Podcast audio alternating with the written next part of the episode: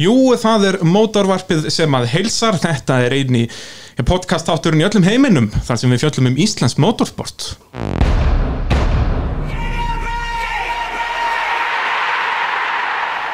Og þetta er að sjálfsögðu allt saman í bóði AB Varahluta og Yðnvjalla og gestur þáttarins Pétur Sigurbjörn Pétursson, ég betur þekktur bara sem Pétur Bakari.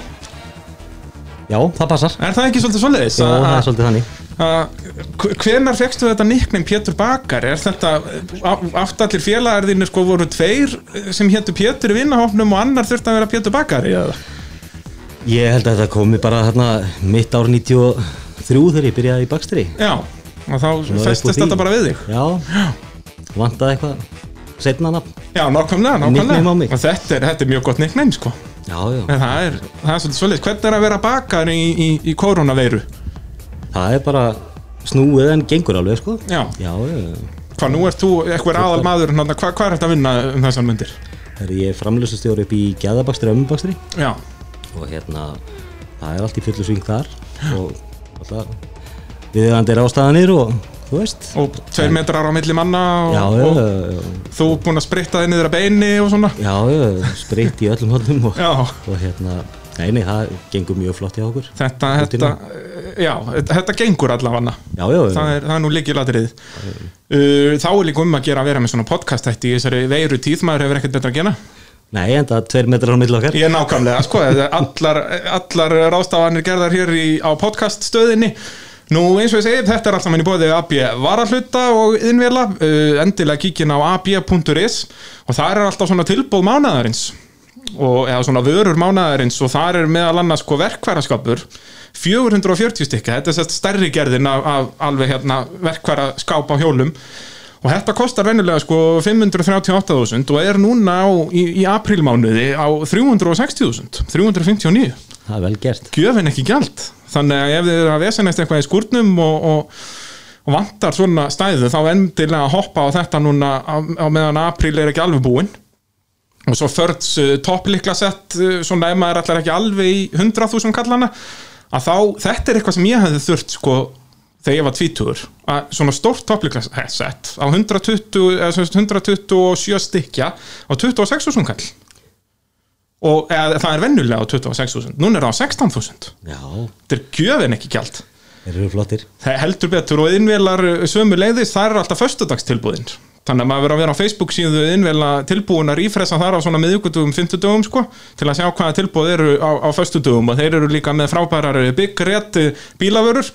Og það er allt frá bílaliftum bara í vennulega tjakka og girkassa tjakka á allan pakkan maður. Já, já, já. Það er, eh, við, við mælum með þessu. flóran, öll heldur betur, heldur betur. Uh, Pétur þú ert, ert einn af þeim sem ég hefur keft í hansi mörgum akstus íþróttum Jó, það passar. Það er er- margt uh, þú, Ég er ekki bara gókartir eftir á fjórum hjólum eða eitthvað? Nei, það er nú kannski eitthvað meira. Já, gó, þú hefur ekki keft í rallycrossi eða það? Jú, já, ok. Aðeins. já, ekki þannig, að- mikið, bara svona rétt til að segjast þá að það já, þannig að þetta er svona go-kart og drift sem þú hætti eftir. Keftur í drifti, drift náttúrulega byrjar ekki fyrir bara 2004-05 sko. Já, nei, ég kefti ekki drifti. Ég tók svona- bara svona, svona, hvað maður að segja burnout sjó á Akureyri og Nú. svo kannski bara driftaði um borg, borgina já, já, þú hefur ekki, ekki keft í því. Nei, þú ert grjótarður underground uh, þukari var. Já, var, já, já, já, þú varst ungur og vitlust Já, það er svolítið svoleiðis. Uh, þú ert náttúrulega einn af svona fyrir þá sem að það þekki ekki hann Pétur okkar að, að þú ert eini Íslendingurinn sem unnið hefur torfærukeppni í sérbúnafloknum og hefur unnið rallikeppni yfir heldina Já, þú, ég var nú ekki búin að átta mig á því að það væri nú svo þegar þú benti mér á það. Það er gaman að því. Ell- 11 ára hann á milli. Heldur betur. Og við mitt fórum yfir þetta hérna í já, fyrstu þáttum uh, motorvarpsins þegar ég var með Hauk Viðar og, og Heimir fyrirvæðandi kóara þinn. Já, já, og, og spurði það út í þetta og þá var Haukur sem náði sér rétt en ekki Heimir. Já, freka fyndi það er frekar, það er ákveðin skellur. Það sem heimi satt í bíl með mér já, þegar þið unnið þessar keppnir. Já, já þú byrjar í þinn, þinn motorsportferil sem keppandi 97 er það ekki í torfæru Ég tek fyrstu keppnina sko tek eina keppni 95 tvær Nú. 96 og svo allt 97 það er svoleiðis já. Já, og, en þetta náttúrulega áhugin var komin hann að miklu fyrir sko. Þú ert í rauninni alin upp í svona bara torfæri fjölskyldu eða ekki það er bara þannig. Það, er, veist, það var alltaf ættamóti Grindavík þegar keppninar í Grindavík voru. Já. Veist, það voru svo, það svo mörg nöfn sem hægt er að nefna veist, Gunni Hafdal, Jón Gesson uh, Guðmundur Sigvaldason Trausti Sigvaldason, Gunni Guðjóns við endalist talið upp sko, hvað eru margir í ættinni og, og, og svo leið sem að sem að komu saman hérna og það var alltaf bara hjá M og Ava bara dinnerparty hérna fyrir, fyrir torfæri og, og bara þjóðatíða stemning sko. og, og það var alltaf svo leys í mörg ár og farið á alla keppnir og, og hérna það er svona, já, torfæran hefur verið í ættinni bara mjög lengi sko. já, já, þannig að maður er svona alveg upp í það og, og gleymið ekki þegar ég ætla ekki verið svona 11-12 ára 12 ára, þú veist, þá voru allir að keppa hann í Grindavík og ég og okkur um litlum krossar að spóli í einhvern drullubolli skilur.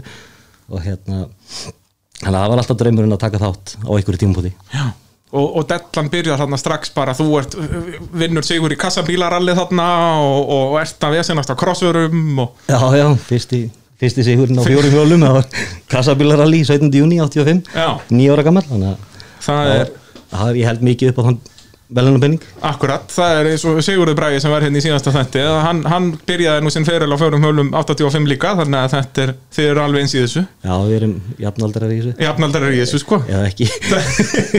Já, hann er ennað, þannig að það er þú sem ert eldri sko. Hann er segur maður ha, það er, er það ekki svoleiðis að maður, maður verður gamall þegar maður hættir að leika sér? Jú, það er þannig. Þannig að það er Siggi Bragi sem er síungur hérna og, og komið eitthvað gammalmenni í þáttinn í dag. Það ég sé þarf að fara að finna mér eitthvað verkefni í skúrin Já, það er svolítið svoleiðis sko, er þetta ekki svolítið hættulegt núna? Við höfum nú eftir að gera upp ferilin hjá þér en, en svona þessir tveir bílar sem voru hvað svona stæstir á þínum ferli þeir eru báðir til sölu í dag.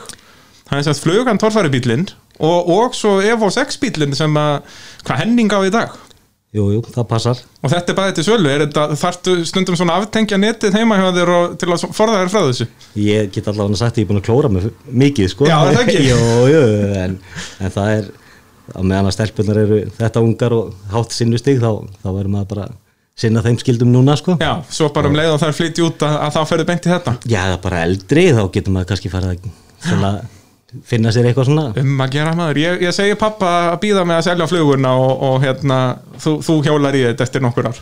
Já, hann er búin að býða það lengi eftir mér. Ég Ég kefti á hann síðast. Já, þú ert síðast þegar maður til að keppa á, flugunni þorfarabílum, það var hvað, 2003 2004 2004, fjögur, já, akkurat. Og Það eru 16 ár síðan þannig að er um að gera að býða í, í kannski nokkur ári viðbót og Já, svo er bara kaupa hann, jú, jú, hann er í toppstand alveg toppstandi já. toppstand, jú hérna uh, já, þú sést elst upp í, í þessu í þessum torfæru kultúr og, og hvenær byrja pappiðinn að keppa? Sko, pappi smíða náttúrulega fluguna Já, sko feð bara inn í bílskúr með fullt af rörum og, og byrjar að beigja og, og gera eitthvað sko og, og út kom þessi flotta grind bara. Já, þetta er svona einn af fyrstu bílum sem, sem, eru með smíðaðir í grind. Það var ekki tekin jeppi til að byrja með. Nei, ég held nefnilega, ég sé að fara með rétt að, að pappi hafi verið fyrstu til að smíða torfæri bíl bara úr rörum ekki upp úr nefni grind sko. Akkurat, já, ég held að það sé rétt og, og var mjög léttur og, og fýtt bíl á þessum tíma sko. Og hérna þannig að það var þetta var, var klár kallinn sko. Ég heldur algjör meistari, Pjötur Pjötursson og, og hérna svona skemmtilegt að segja frá því. Hann, hann á nú ammal í dag 22. apríl hann hefur verið 72 ára gammal í dag. Hann hefur að- 72, já, það er ég var svo heppinn að- ég eitt eiginlega heilu sömri með honum hann að 2008 þegar ég er bara 14 ára eða eitthvað. Þá var sérst pappi og Maggi að keppa og servisin þeirra var í rauninni ekkert servis sko. Maggi var bara að keira og bara heyrðu, þú verður bara að klára kallið minn það, hérna, með og ég var basically servismaðurinn 14 ára en ég gerði ekki neitt ég var bara settur í servisbílinn ykkar Já. og var svona að fylgjast með eitthvað Já, þetta var skemmtilegt sumar Já, heldur betur maður og við höfum eftir að fara, fara vel yfir það. Við, við fórum náttúrulega svolítið yfir þetta í síðasta þætti með, með Sigurði Braga og hann náttúrulega verður meistari þetta ár Já, og, og þá er um að gera að fara betur yfir það í þessum þætti. En, en pappiðin, já, smíðar uh, fluguna, hvað er þetta? Er þetta 91, 90, hvað svoleiðis? 92 kannski? nei, hann er að smíða hana hérna 92, 3 Já, og hérna og nei, nei, já, 93 er hann að smíða bílinn og hérna byrjar á honum Já. og keppir hérna held ég fyrst 94 Já, það ekki? Jó, keppi 94 ég man að þetta var ég var búin að missa prófið þarna og fekk bílprófið aftur þarna. Á sama, sama degi og keppnir átt að vera og Þú þetta var varst alltaf að gerast alveg sko. all in í þessu að vera fínblast á göttunum Já, þetta var, þetta var hérna, ég var reglulega borgarsektir mánaðarlega. Já, það var ekkert punktakerfi þá. Nei, það var bara sektir og, og, og hvað var þetta þá bara ef þú fórst yfir eitthvað ákveðið þá mistur um prófið Já, það var bara þannig. Já. en þetta var alltaf partur af, partur af hérna, mánaðamótum að búin að fá laun að fara upp á laugstöð að borga sektir þetta var svo leysi mörg, Anskotin er þetta Pétur. mörg ár held ég bara. En, en Kannski, svo, kannski þangar til þú fórst bara að keppi í rally. Já, og svo bara fór maður að aðeins að skoða motorsporti betur og þá, það er, svolítið, er svolítið góðu leið til að koma þess að göttunum og fara í annað og, og hérna og vera örugur þú veist með veltibúr og hjálm og, og allt það og Já, allt mögulegt Og fá þess útrás þar sko. Já, algjörlega og, og einmitt þetta að vera með opna braut og eitthvað akstusta og eitthvað þú veist mikið, mikið myndi ég borga fyrir það á sínum tíma hafa haft aðgang að því sko. Já, geta farið bara alltaf miðugötan upp á bröð bara frábært sko. og hérna þannig að já, þetta var svona þetta var svona æskan svolítið, þú varst, uh, fórst um að lauruglustöðu mánaðamót að borga sektir meðan að pabbi gamli var í bílskúr að smíða torfærubíl já, kannski pínuð þannig. Og, og, og hann, fæðin byrjar að keppa á 94, 95 Já, 94 keppir hann, ég held ég sé fara mér rétt hann byrja í 94 og hérna keppir nú ekki marga keppnir. Og hérna en, en tekur hann að einhverjar, þú veist. Var Grindavík og Jósundalur og Akranes minn mig. Já. og hérna og svo, svo átt að fara að selja bílinn hérna ég keppi, já, ég keppi eina keppni í 95 Já, það var, það var hérna í þessari keppni vor, voru hérna á kvennakeppni líka. Já, einmitt, í Jósastalum Já, í Jósasdalnum. Akkurat. Ég tók þátt í þessari keppni og, og hérna svo 96 þá tók ég Skagan og og Hellu. Já, Hellu, tók flikkflakk fram fyrir mig þar. Það var, það er ekkert annað. það var spennandi. Uh, Hvernig Er þá bílinn ennþá svona Sko fyrst þegar hann kom í torfærinu Það var hann alls ekkert fallegur, fannst mér allavega Nei, sko. það var alltaf hátt búr og, Já, og og svona, hann var svolítið klunnalegur og ekki mikið svona body á honum. Hvenar gerir þessar breytingar út? Hann var ótrúlega töff þarna mann í 97 Er það bara fyrir 97 að það var það fyrir? það var fyrir 97 Já, sérst í raun og- 96 er hann ennþá svona frekar ljótur. Já, það er, ég klára sagt bakarlanda 97 og, og það átti að fara að selja bílinn og, og ég svona fóð svolítið á fjóralappir og, og bara gráðbaðum að fá að taka eitt sísón á í torfarinni og seldi bara sportbílinn og kefti með gamlan bíl og svo bara farið all inn í torfarina eins og hægt var sko á þessum tíma Já, ég minna þú keppir í öllum keppnum og, og Já, já. gerur og græjar Já, já, já, keppni keppum, keppum í öllum keppnunum og, og hérna og var náttúrulega með alveg algjör og snillinga með mér í, í servisliði, þú veist Jú. eins og Hilmar B. Þráinsson og Kristinn Sveinsson og, og fleiri, sko, þú veist Allt stóru nöfn í motorsportinu. nöfnum, sko, en það, eru, það voru fullt af, fullt af flottu strákum hann í kringum mig og, og þú varst strax svona já, ákveð, ákveðin karakter í, í, í já, motorsportinu má ekki orða það þannig það var, það var gaman af þér maður horfði kannski á það var engi braut ókleif maður létt alltaf vaða. Og það er nú mörg gull hvað við skulum fá að heyra hérna eitt viðtal við ég held að þetta sé í, í Akranes torfærinni Heyrðu, Þetta var þetta dingur. Já, þetta fór ítla með hann búpa lilla Var þetta sárt þar? frekar. Ha. En ég ætla ekki að sína neina virðingu fyrir þessum Halla G og Gísla G og þeim guttum Það er liðin tíð. Þa, það vantaði ekki stóru orðin. Nei, það vantaði ekki stóru Nei, nei. orðin, djöfull. en ég minna síðan fórstu nú þú, þú náðu nú að standa við stóru, stóru orðin. Já, eigilstöðum Það gekk allt upp þar. Það var ein mögnuð torfærikefni Það var rosa skemmtileg keppni. Bara, bara það eitt á þessum tíma það var nokkið mikli fjármögnir á milli handana og, og hérna en að komast í keppnina þangað og, og fara á þetta var, þetta var alveg já, rosa sigur fyrir okkur sko. Já, og hérna, og bónus að hafa unni keppnina, það var alveg já algjörlega. Rosa flott og svo tókum við tilþrjabyggarinn hérna keppnina eftir í Jósudal og þetta var bara þetta var mjög flott. Þetta voru, á þessum tíma var þetta náttúrulega svona hvað maður að segja, mesta uppsveiflan bara þarna þú veist, þetta voru þetta 15 til 18 bílar í sérubunaflokknum og, og þú veist, nöfnin sem voru þar, þú veist náttúrulega eins og ég nefndi þarna Gísli G og Halli P og Einar Gunnlaugs og, Einar Gunnlaugs og allir þeir eru ennþá þarna sko. og hérna Siggi um Axels þetta og allir þessi strákar sko. Við töluðum um þetta, ég og hérna, Jakob Cecil, meistari í- sem verið að taka vídeo uh, bara um allt motorsport, í hérna þar síðasta þætti, að þá vorum við að tala um torfærina og svona hvað veri uppáhalds tímabilið okkar, þá var, vorum við báðar sammálum að 97 væri besta sko, þá einhvern veginn var þetta þetta náttúrulega tvistrast upp torfærin hérna, Ísak og Lía kemur hérna 99 sko, þannig að þarna erum við á, á toppnum út að 98 er Halli ekki að keppa sko, þá er hann byrjar að smíða nýja bílinn þannig að Já, þarna já. vorum við í rjómanum af, af íslenski torfæri sko. Já, algjörlega, þú veist gleyma að nefna hana Þóri Sjött á Jakslinu til Akkurat, dæmis og sko. þetta var náttúrulega bara endalaust af flottum græðum þú veist, Helgi Sjött á Frisa Fríska og, Já. og, og þú veist, þetta er bara endalaust af flottum græðum og, hérna, sko alveg magnasamt sko, eins og þú talar um, það voru nú kannski ekki þau voru ekkert að drukna í peningum hann að gera upp bílinn, en þeir náðu samt að gera þetta alveg nógu vel, þú veist, það var ekkert vesen þannig séð, Nei, við vorum bara með, þú veist, trausta mótor og þú veist, mjög líklega kraftminnsti mótornum í kepp- í keppninni, sko. Hvað var þetta? 350 bara já, eitthvað já, já, og hérna og svo bara, þú veist, nógu stórt nýtró og, og hérna og fulla ferð, sko. Já. þannig að, en bílinn léttur og, og svona skemmtilega pælingar, sko þú veist, pappi var með fleiri pælingar hérna að, þú veist, vera með sjálfstæða fjöðrun og, og hérna og hérna en, en það var stoppað þarna bara í raun og veru út af fjármönnum, sko. Já, þetta er náttúrulega alltaf, alltaf ekki allt stóra dæmið. En, en hérna en hann gerði vel úr því sem við höfðum og, og hérna já, bara mjög skemmtilega pælingar Við skulum fá að heyra hérna annað eh, hljóðbrot frá þessum indisluðu þáttum frá Birgir Þó Braga sinni. Þetta er í hvað byggarkeppninni held ég í Jósestalnum. Þetta fer ekki vera leiður ás. Það líkur við. Ég bara fann ekki bakkinn og það hefði verið rosalega sætt að finna núna. Alveg rosalega sætt.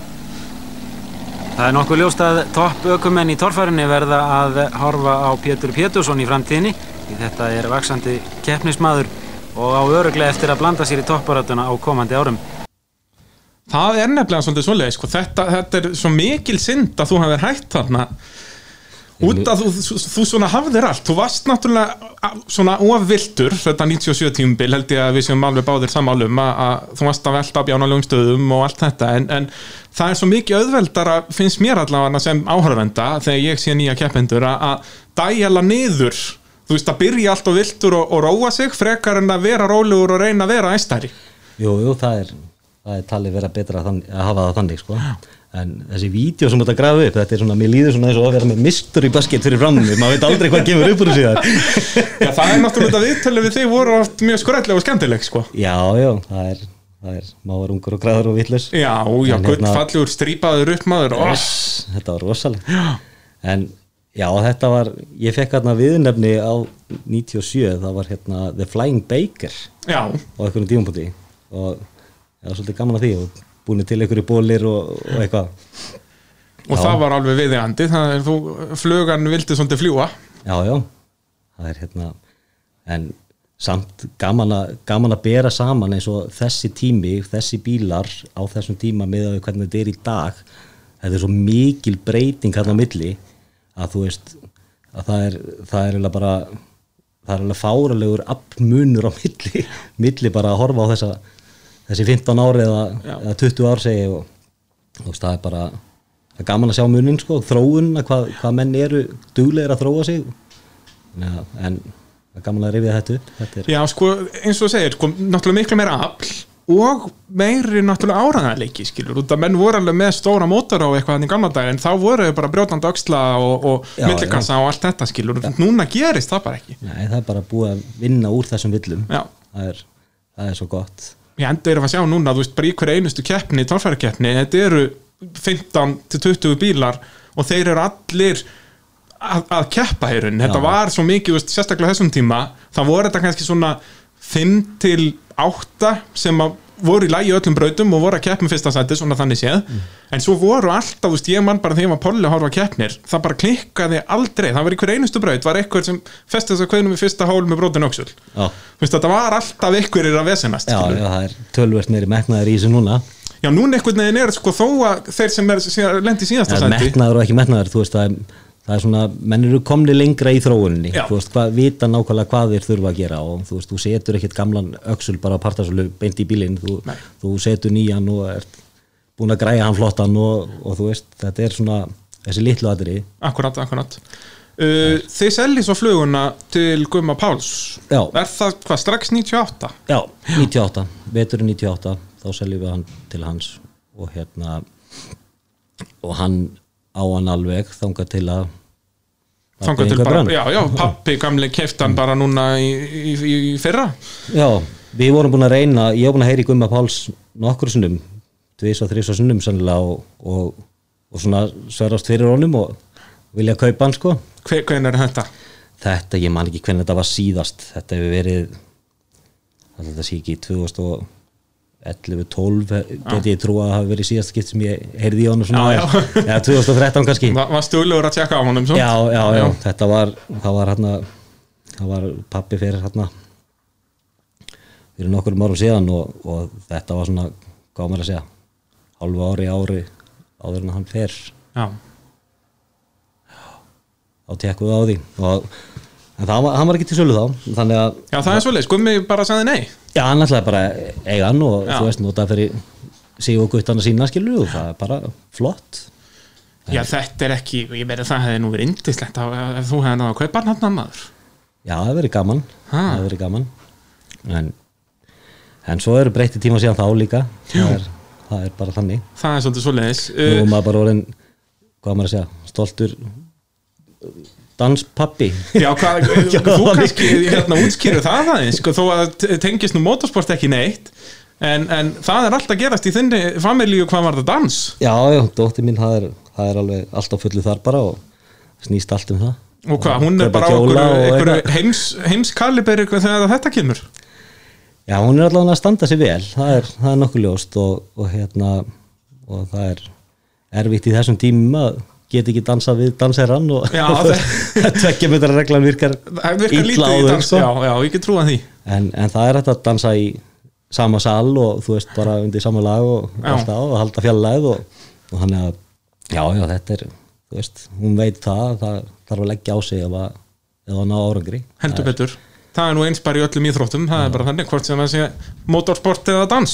Það er bara eins og, eins og í gegnum allt rallydótið hérna núna já, 2007 og 2008 þegar maður var í korflunni og efonum að maður sagði alltaf sko þú veist þú vinnur ekki kærni í skurnum Nei. í undirbúningnum en þú getur hæglega að tapa henni þar sko. Já, það er ef þú vinnur hann ekki þá, þá er náttúrulega bara allt búið í keppninni það já, er ekkert þú, þú vinnur ekki keppnin nema klára hana. Nei. það er svolítið svoleiðis. Það er, það er bara sama í öllum íþróttum sko. Já, þetta er og líka bara hugarástandið skilur og að það er, það, gengur ekki að vera sest, ef, ef íþróttin á ekki hugðun allan þá nærðu sennilega ekki árangríðinni sko. nei, nei, það, er, það er svolítið svoleiðis en hérna 97, þú Jú. átt svona bara príðis gott tímabil í, í torfærinni vinnur hann eina keppni og, og ert svona, það er verið að tala um þig sem bara næsti Halli P eða, eða hvað það er. Og, og þú veist, hvernig var svona hugarástandið þitt þarna, vildir, vildir þið feðgarnir fara að smíða bíl eða ég hef náttúrulega veit að uh, þetta stoppaði svolítið á peningum skiluru, bara eins og, eins og gengur að gerist. Já og líka bara ákvörðuna tökunni fyrir þetta sísón,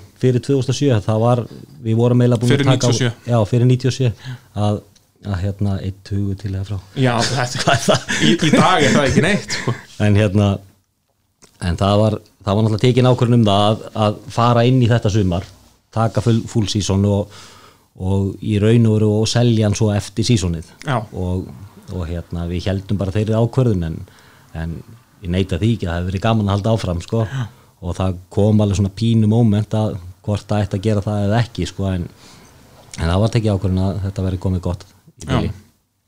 Og en eins og segir pappiðin var nú með eitthvað hugmyndir þú veist að smíða bíl með sjálfstæri fjöðrun og, og, og gera og græja, þú veist hvernig hefði verið svona ef þið, bara ef ykkur hefði lagt inn á okkur hann 20 miljónir og hérna smíðið torfæri bíl, hvernig hefði þið sá bíl orðið?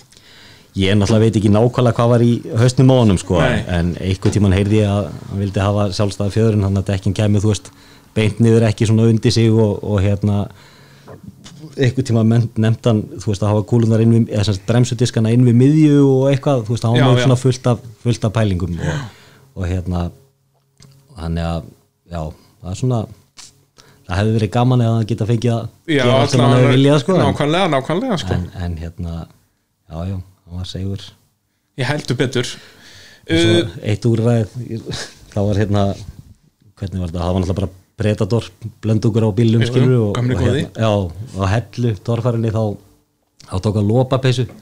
Skar kross í hann og setti við Predatorinn og strappaði utanum var, var það loft síðan? Já, það var bara til að hindra að vatnið Já. myndi komast upp í og, og, og svo var allt teipa fyrir ofan sem þetta lokað. Og að hann tók lofti í gegnum lopabeysuna og, og svo var bara mjallabóni sett utan á kveikina og kveikithræðu og allt bara alveg bara í bunkum sko. Og, og ég meina ég flaut þarna nánast alla leið 85-90% á onni og sökk svo póla kaf og, og það var bara ekki feilbúst nei. við komum upp úr og þannig að þetta svín virkaði skilur já, og, er- og það var engin annar með þessa hugssjón eitthvað skilur en, þú veist, þetta var ekki flókið, kostaði ekki mikið en, en svín virkaði. Þannig að, þannig að það var það var útsjónasamur heldur betur, heldur betur. Uh, síðan ferð þú í einhverja rallypælingar hvernig hver var pælingin með það? Þú elst hann upp með, með torfæru pappa og torfæru frændur og, og alles að menna bara torfæru nummer 1, 2 og 3 þú ferð svo í, í, í keppir í torfærunni. Pælir rallinu þarna en í myndlið þínu ferð að keppi kvartmílu eða ekki? Jú, og það var hérna það er svona svo sem alltaf maður sér það ennþá í dag, það er svona ákveðin tenging hann á milli það, þú veist, kvartmílin er þetta svona vélarsport, þetta er svona vé- vélarpervertar já, sem er í þessu og, og, og, og svipaði tórfærinni og, og, og þú tekur hvað, heilt tímabil 2000 og, árið 2000 árið 2000 já, ég kaupi mér hérna Pontiac Transam svona 6 skýra beinskiptan. 97 mótilið, kaupi hann 98 tjónaðan og geri við hann og, og svo hérna fer hann á götuna hann á 2000 og, og fer hérna í götumílun Akureyri og eitthvað börn á þar og fekk ykkur velum þar og eitthvað og svo og prófa, prófa kvartmíluna. Og það var bara mjög gaman að kvartmíluna, mjög gaman að keppi kvartmílu. En, en sko en þú veist enda í öðru sæti á Íslandsmótinu þar og eftir Gitta Byggret á á hérna Mitsubishi, Mitsubishi 3000 GT ég, já, var fyrir fjórir hérna bílum já, akkurat það var nú nóg, nóg að afli þar. Já, nú aflið þar, það var flottur flottur hjá honum. Og hérna en svo geifti ég hérna einhverja slikka undir hann fyrir síðustu keppnina og prófaði og þá fór að koma svona kúklingslikt og eitthvað og ég hugsa á ég að fara all in í þetta eða að ég selja slikkan og finna mér eitthvað annað? Já, og hérna það náttúrulega verður ekki kvartmílan svolítið, þetta stökk í kvartmílu er helvíti dýrt, eða ekki? Ja, Jú og, og var kannski ekkit endilega þú veist eh, já, það var svona mér langaði í eitthvað meira veist, mér langaði að geta beitt og, og djöfla staðið sko. Já, kvartmílan kannski ekki alveg fyrir þig. Þú veist, þetta er náttúrulega mjög sérstakt motorsport finnst mér kvartmílan, sko, þetta er í rauninni svona bara próf. Og það kvartmílan er eiginlega bara svona 100% þú vinnur það í skúrnum. Það er- vissulega já, þú þarft já, að og, og sérstaklega ef þetta eru meiri græjur þarft að sjálfsögðu að hafa hæfileika til að gera þetta. En, en þetta er svona, þú ert bara stilla og stilla og finnpúsa og, og allt þetta frekar en eins og segir að vinna þetta á sérleiðum eða í beigjum Já, þannig að þetta átti kannski ekki eins vel við mig eins og, eins og hitt sportið en, en, en, en geggja samt gaman að hafa að prófa kvartmíluna og, og teka ofan fyrir þessum gaurum sem er að keira, keira þessa ofu bíla sko, þetta er rosa flott sko en, en Sko, hvernig var þetta með kvartmýluna? Þú sérst, kaupir hann á Pontiac Mm. uh, þú kaupir hann með það í sjónamið að fara að keppi í kvartmýluna keiptir hann bara út af að hann var töff eða veist, bara absoluta þegar það var töff beinskiptur og 300 og eitthvað hestum já, sko. þetta var nýlegur, kvartmýlan sko. var svona, herðu, já, já, hann á Pontiac ég ætla að keppi kvartmýlu Já, þannig, Já. já, já, bara kíkt upp og herði, prófum þetta og hérna ég átti þannig transam í hvað, fimm ár eða eitthvað, fjögur, fimm ár keirði hann aldrei á veturnar og seldi hann 22 dekkjum senna Já, það var svolítið þannig sko. Það var uh, ekki, ekki leiðilegt að spóla á hann Nei, það var mjög gaman, Jú, það var mjög gaman. En já, rallið hvernig hvernig kom það til? Þú veist, þú varst náttúrulega svolítið vinnhópurðin voru nú eitthvað að vesenast í rallycrossi og, og eitthvað í kringum rallið það ekki? Jú, jú, jú, jú. Og hérna, þetta var samt eða bara, gerðist eða pínu óvart sko, en ég keipti þarna Honda Civic og hérna og langaði að prófa þetta. Og var búinn að horfa á eitthvað aðeins og ég veist að ég getur nú alveg gert eitthvað í þessu en, en þú veist, langaði að prófa. Já, já, og þannig ég kaupaði hann einhvern hondu og, og hérna og Vignir var búinn að vera góðarinn á bílum Jóhannes hitt hann sem er, samt átti bílinn. Og ég fyrir til Vignir og spyr hann út í bílinn og svona og, og, og spyr bara hvort hann vil ekki vera bara góðarinn hjá mér. Og hann var til í það þannig að ég fór á fjárfesti bílnum og við tókum hann og rifum hann allan í spað og sjánuðum og gerðum flottan og, og hérna og hérna unnum aðeins í spónsmálum og svo leiðis og já, þetta var nefnilega mjög sko, hérna er, er mjög áhugavert viðtal við ykkur við strákarna, þarna kom semst Bir- Birgir Þó Bragason í skúrin til nýlegaðana þarna fyrir 2001 tímabilið og, og hérna er hann að tala við þig þegar að þarna er bara búið að spaða bílinn alveg þegar þeir eru á fullu að undirbúa Þeir samanlega sponsumálin, það er svona smá hvað við eigum að kalla bílinn, það getur verið svolítið tvísýnt. Við erum komin með ja, eitt svona aðal sponsorum, til dæmis Leikt og Blátt, eins og má sjást á Vignir hérna, hann er alveg að missa sig í þessu. þarna stendur Vignir að- að að lesa dý, dýrindis tímaritt já, þetta var þetta var svolítið fyndið hvernig þetta þróaðist sko.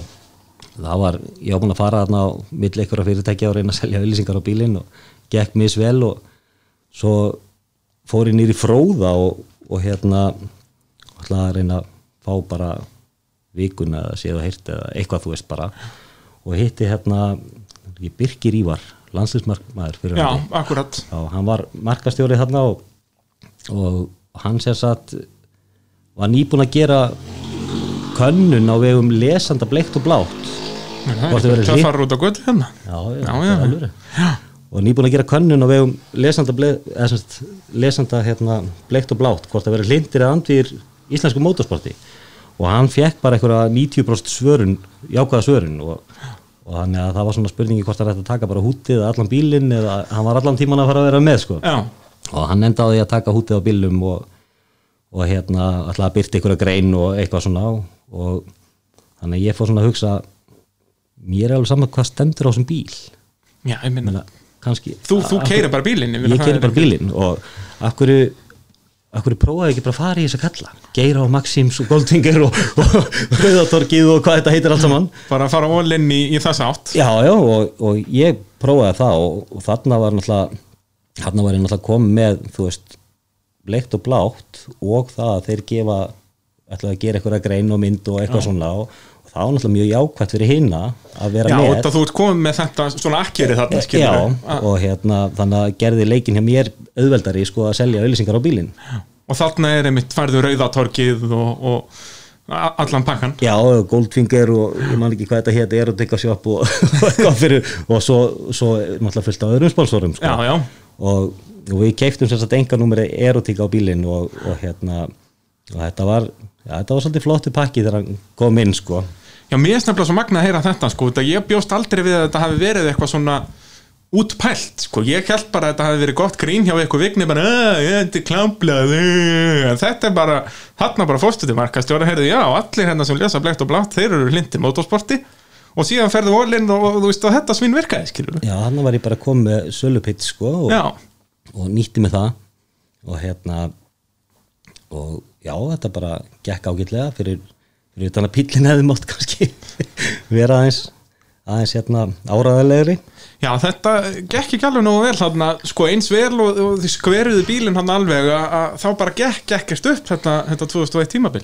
Nei, hann var sér satt, hann var búinn að lenda í nokkur mútaraföxturum og, og hérna áður en ég eignast hann og, og svo tökum við og sjóðum hann allan upp og, og gerum hann fínan og, og svo kemur það í ljós setna að, að sem sagt grinda nefið á honum var sem sagt hægra með var allt kýlt inn og aðeins út og öxullin að dragast út og svona maður var detta út á, á svona leiðilegu mómentum sko, þú veist bara inn á leið í einni kvilti eða eitthvað svo leiði Já, bara auksillin úr og allt búið. Já, þannig að þannig að þú veist, maður var ekki að enda út í móa og dett út þannig, þú veist, þá, þá er þetta alveg, þú veist, það var bara eðlilegt, þú Já, veist, þá, þá bara ó, akkur gerði ég ekki betur, en þú veist að dett út hins einn er, er miklu leiðilega Já, sko. böggandi. Já, en, en, en fyrsta, fyrstu, fyrsta ári mitt í rally og þú veist, og var ekki takt að ætla til þess að standa sér betur en þetta skilur en, Nei, en það er alltaf, og, þú veist, þessi reynsla, ekki bara reynsla sem ökumæður, heldur líka að kunna útbúa bílinn, það Já. er náttúrulega, hún er gull sem gildi, sko. já, heldur betur, heldur betur Og þarna náttúrulega var fjöðrunakerfi í þessari hondu var nú ekki upp á marga fiska. Nei, nei, nei, nei, nei, nei. Þetta hoppa og skoppaði út um allt. Hvað, þau voru með einhverja rallyfjöruna framann, eða ekki? Við vorum með bílstæðan fjöruna framann en þú veist allt og stífa gorma og, og þetta er bara svona eins og þú sagðir skoppa og út um allan veg og Ég var ekki bara orginal dregar að þartan og...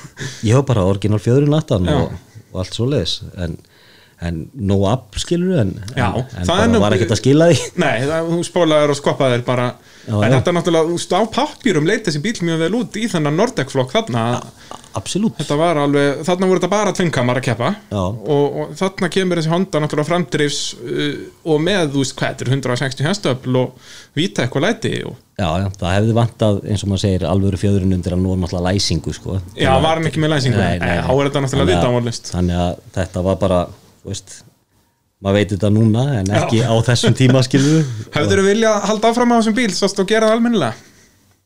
Nei. Ekki? Bara frekar að gera eitthvað annað. Já, já, þú veist þetta var svona, ég man ekki hérna Siggjóli orðaði þetta helviti skemmtilega eftir eitt skipti sem ég datt út. Ég datt út úr öllum keppni sumarsins nema síðustu þá lendu við í þriðasetti eða eitthvað. Og hérna og þá var endar Vignir að keppa sjálfur, ég á með Magnús Óskarsson með mér við hlið. Já. og þá endur við í þriðasetti en þá var Siggjóli saði við mig Pétur, þessi bíl sem þú ert á hann er svona, hann er svona sko, hvað maður að segja? Hann er svona fyrir græmmitsætur þú ætti að fá þér bíl sem er fyrir kjötætu sko Sigurður Róli er náttúrulega einstaklega orðheppin maður á að stoppa hann upp sko Já, það er Það er svolítið svoleiðið sko Já. Ég þarf að fá hann inn í spjall sko opna klukkan vel og leifa hann að reykja pípun eins og hann vill sko Já. Þá þarf ég að bara bóka stúdíu í einhverja daga held já, ég já, það er þannig sko. Það er svolítið nákvæmlega þannig já. En hvað, það er allferlinum Já, lauk þarna í byli eftir þetta Þú keppir ekkert meira eftir þetta 2001 Nei, ég seldi, seldi bílinn og hérna og hérna gleymur endur að nefna eitt það var hann að, mann ekki 98 eða 99 þá kefti ég rallycrossbíl. Nú, já, hvaða bíl er það? það var eitthvað Mazda afturdröðin, ekki litra. Og Já, svona stór hérna Já. svona, sem var bara eins og NASCAR bíl Já, já. já, kaupir þú hann? Já, og þá fann hann upp á geimslusvæði og hann fór ekki í gang og eitthvað og mér langaði að prófa þetta. Auðvitað. Og kefti hann og þá var ég hérna í skúr með himma og fleirum og þá hérna tókum og sjánuðum hann og fengum hann til að ganga og eitthvað og svo fórum við að pröfa og ofta vann alltaf ekki neitt þannig að ég og pappi litum svona hvern annan og bara basically sögðum við hvern annan sko erst þú að hugsa það sem ég er að hugsa? Þannig að það var bara þú veist, svo grænni degin á og svo bara borað og setti nýtur og spísar og Já, bara á taka og, og hérna og fengið það til að spóla eitthvað skilur og hérna svo brann einhver einhver nýtróspóla yfir eða eitthvað hann að nýtróði virkaði nú ekki þarna í keppninni morgunin eftir sko.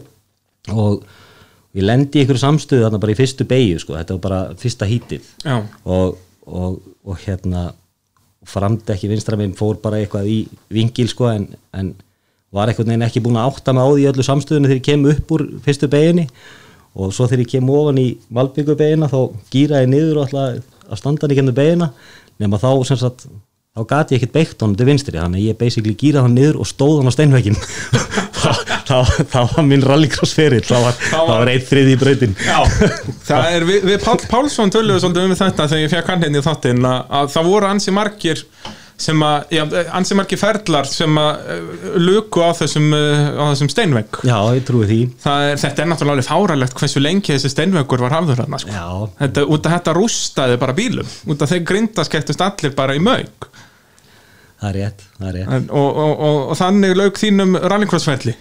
Já, ég reyndar pappi fekk einhverja Hondu Civic, það er nú setna sko. Það er, ég man ekki hvernig þetta var 2000 og eitthvað. Já. og 2000 og ég veit ekki, það ekki verið níu, tíu eða eitthvað. Jú, alveg rétt, já, Búkolland Búkollan, já, þetta er 2000 og, já, 9, 10 þetta er eitthvað svo leis Já. kút vald upp á braut og, Akkúrat. og hérna pappi fekk að eiga bara gegn því að hann kæmi aftur í rallycross. Já, já, og, og við bara unnum að því og hendum honum aftur í rallycross og ég tók eina keppni þar já, það var virkilega það var líka mjög skemmtilegur tími í rallycrossinu það ár. Já. Það var alveg bara alltaf, þú veist, 10 bílar í öllum flokkunum við og, og bara gegja já, þannig að það var bara Já, þið- frábært að prófa það. Já, veist, það- já, þið alla- skveruðu bílinn líka alveg bara, hann mætti þarna, ég asnaðist til að snerta hann og sá mikið eftir því, hann var bara með, þið máluðu hann klukkutíma fyrir kefni. Já, það var svo leys, það var bara ennþá blöðmálingi þegar við mættum og, og hérna flytja til Ástralíu þarna eða var fluttur og kom í heimsótt hérna. Og hann var að fljúa út bara hann á mánuði eða þriðut eða eitthvað og þannig að við ákveðum bara að skvera bílinn og láta hann keppa á hann að færi. Er nákvæmlega. þetta var, þetta var svona dýrmæti tímar skúrnum með feðgarnir. Nákvæmlega, nákvæmlega. Já, Uh, svo í rauninni, já, þú fer bara hann í hlýja eftir, eftir þetta honduævintýri, hvað, þú selur honduna eitthvað, sáum við hann eitthvað tímann aftur í ralli?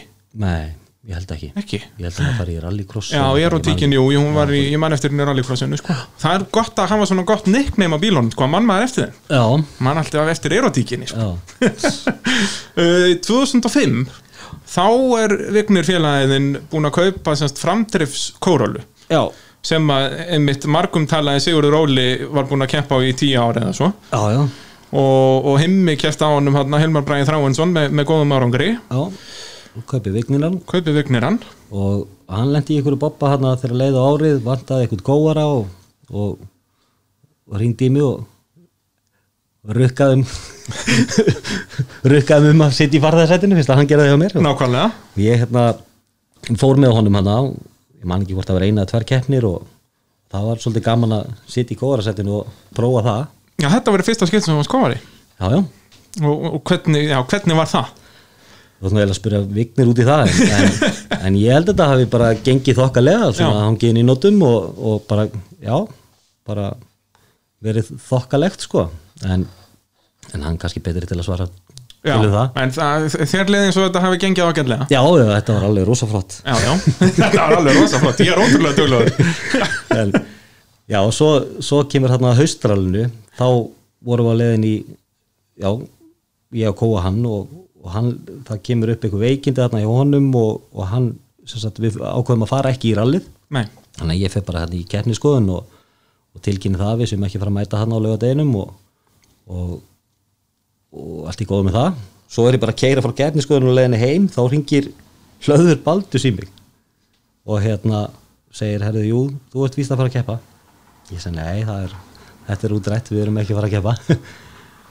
Nei, en þú ert að fara að keppa ég segi, hvað meinar já, ég er búin að ringi í vignir og þú ert að fara á bílum og þú ert að fara að keira og hann alltaf vantaði kóar og, og hérna, leðaskoðanabíl og allt og, og hann var búin að græja þetta allt kallinn og, og hérna Dóri alltaf góða mig Haldur Gunnar Jónsson heima, heimir. Já, já, og hérna hann var náttúrulega búin að vera að keppa með já. og bara átt að fá leðaskoðanabílinn hans lánaðan og Þetta var allt bara gert og græða hann Já, þetta var allt, hann var búin að græja þetta allt saman og hann átti bara eftir síðasta símtalið og var hringi mig og tilkynna mér að ég verði að fara að keppa.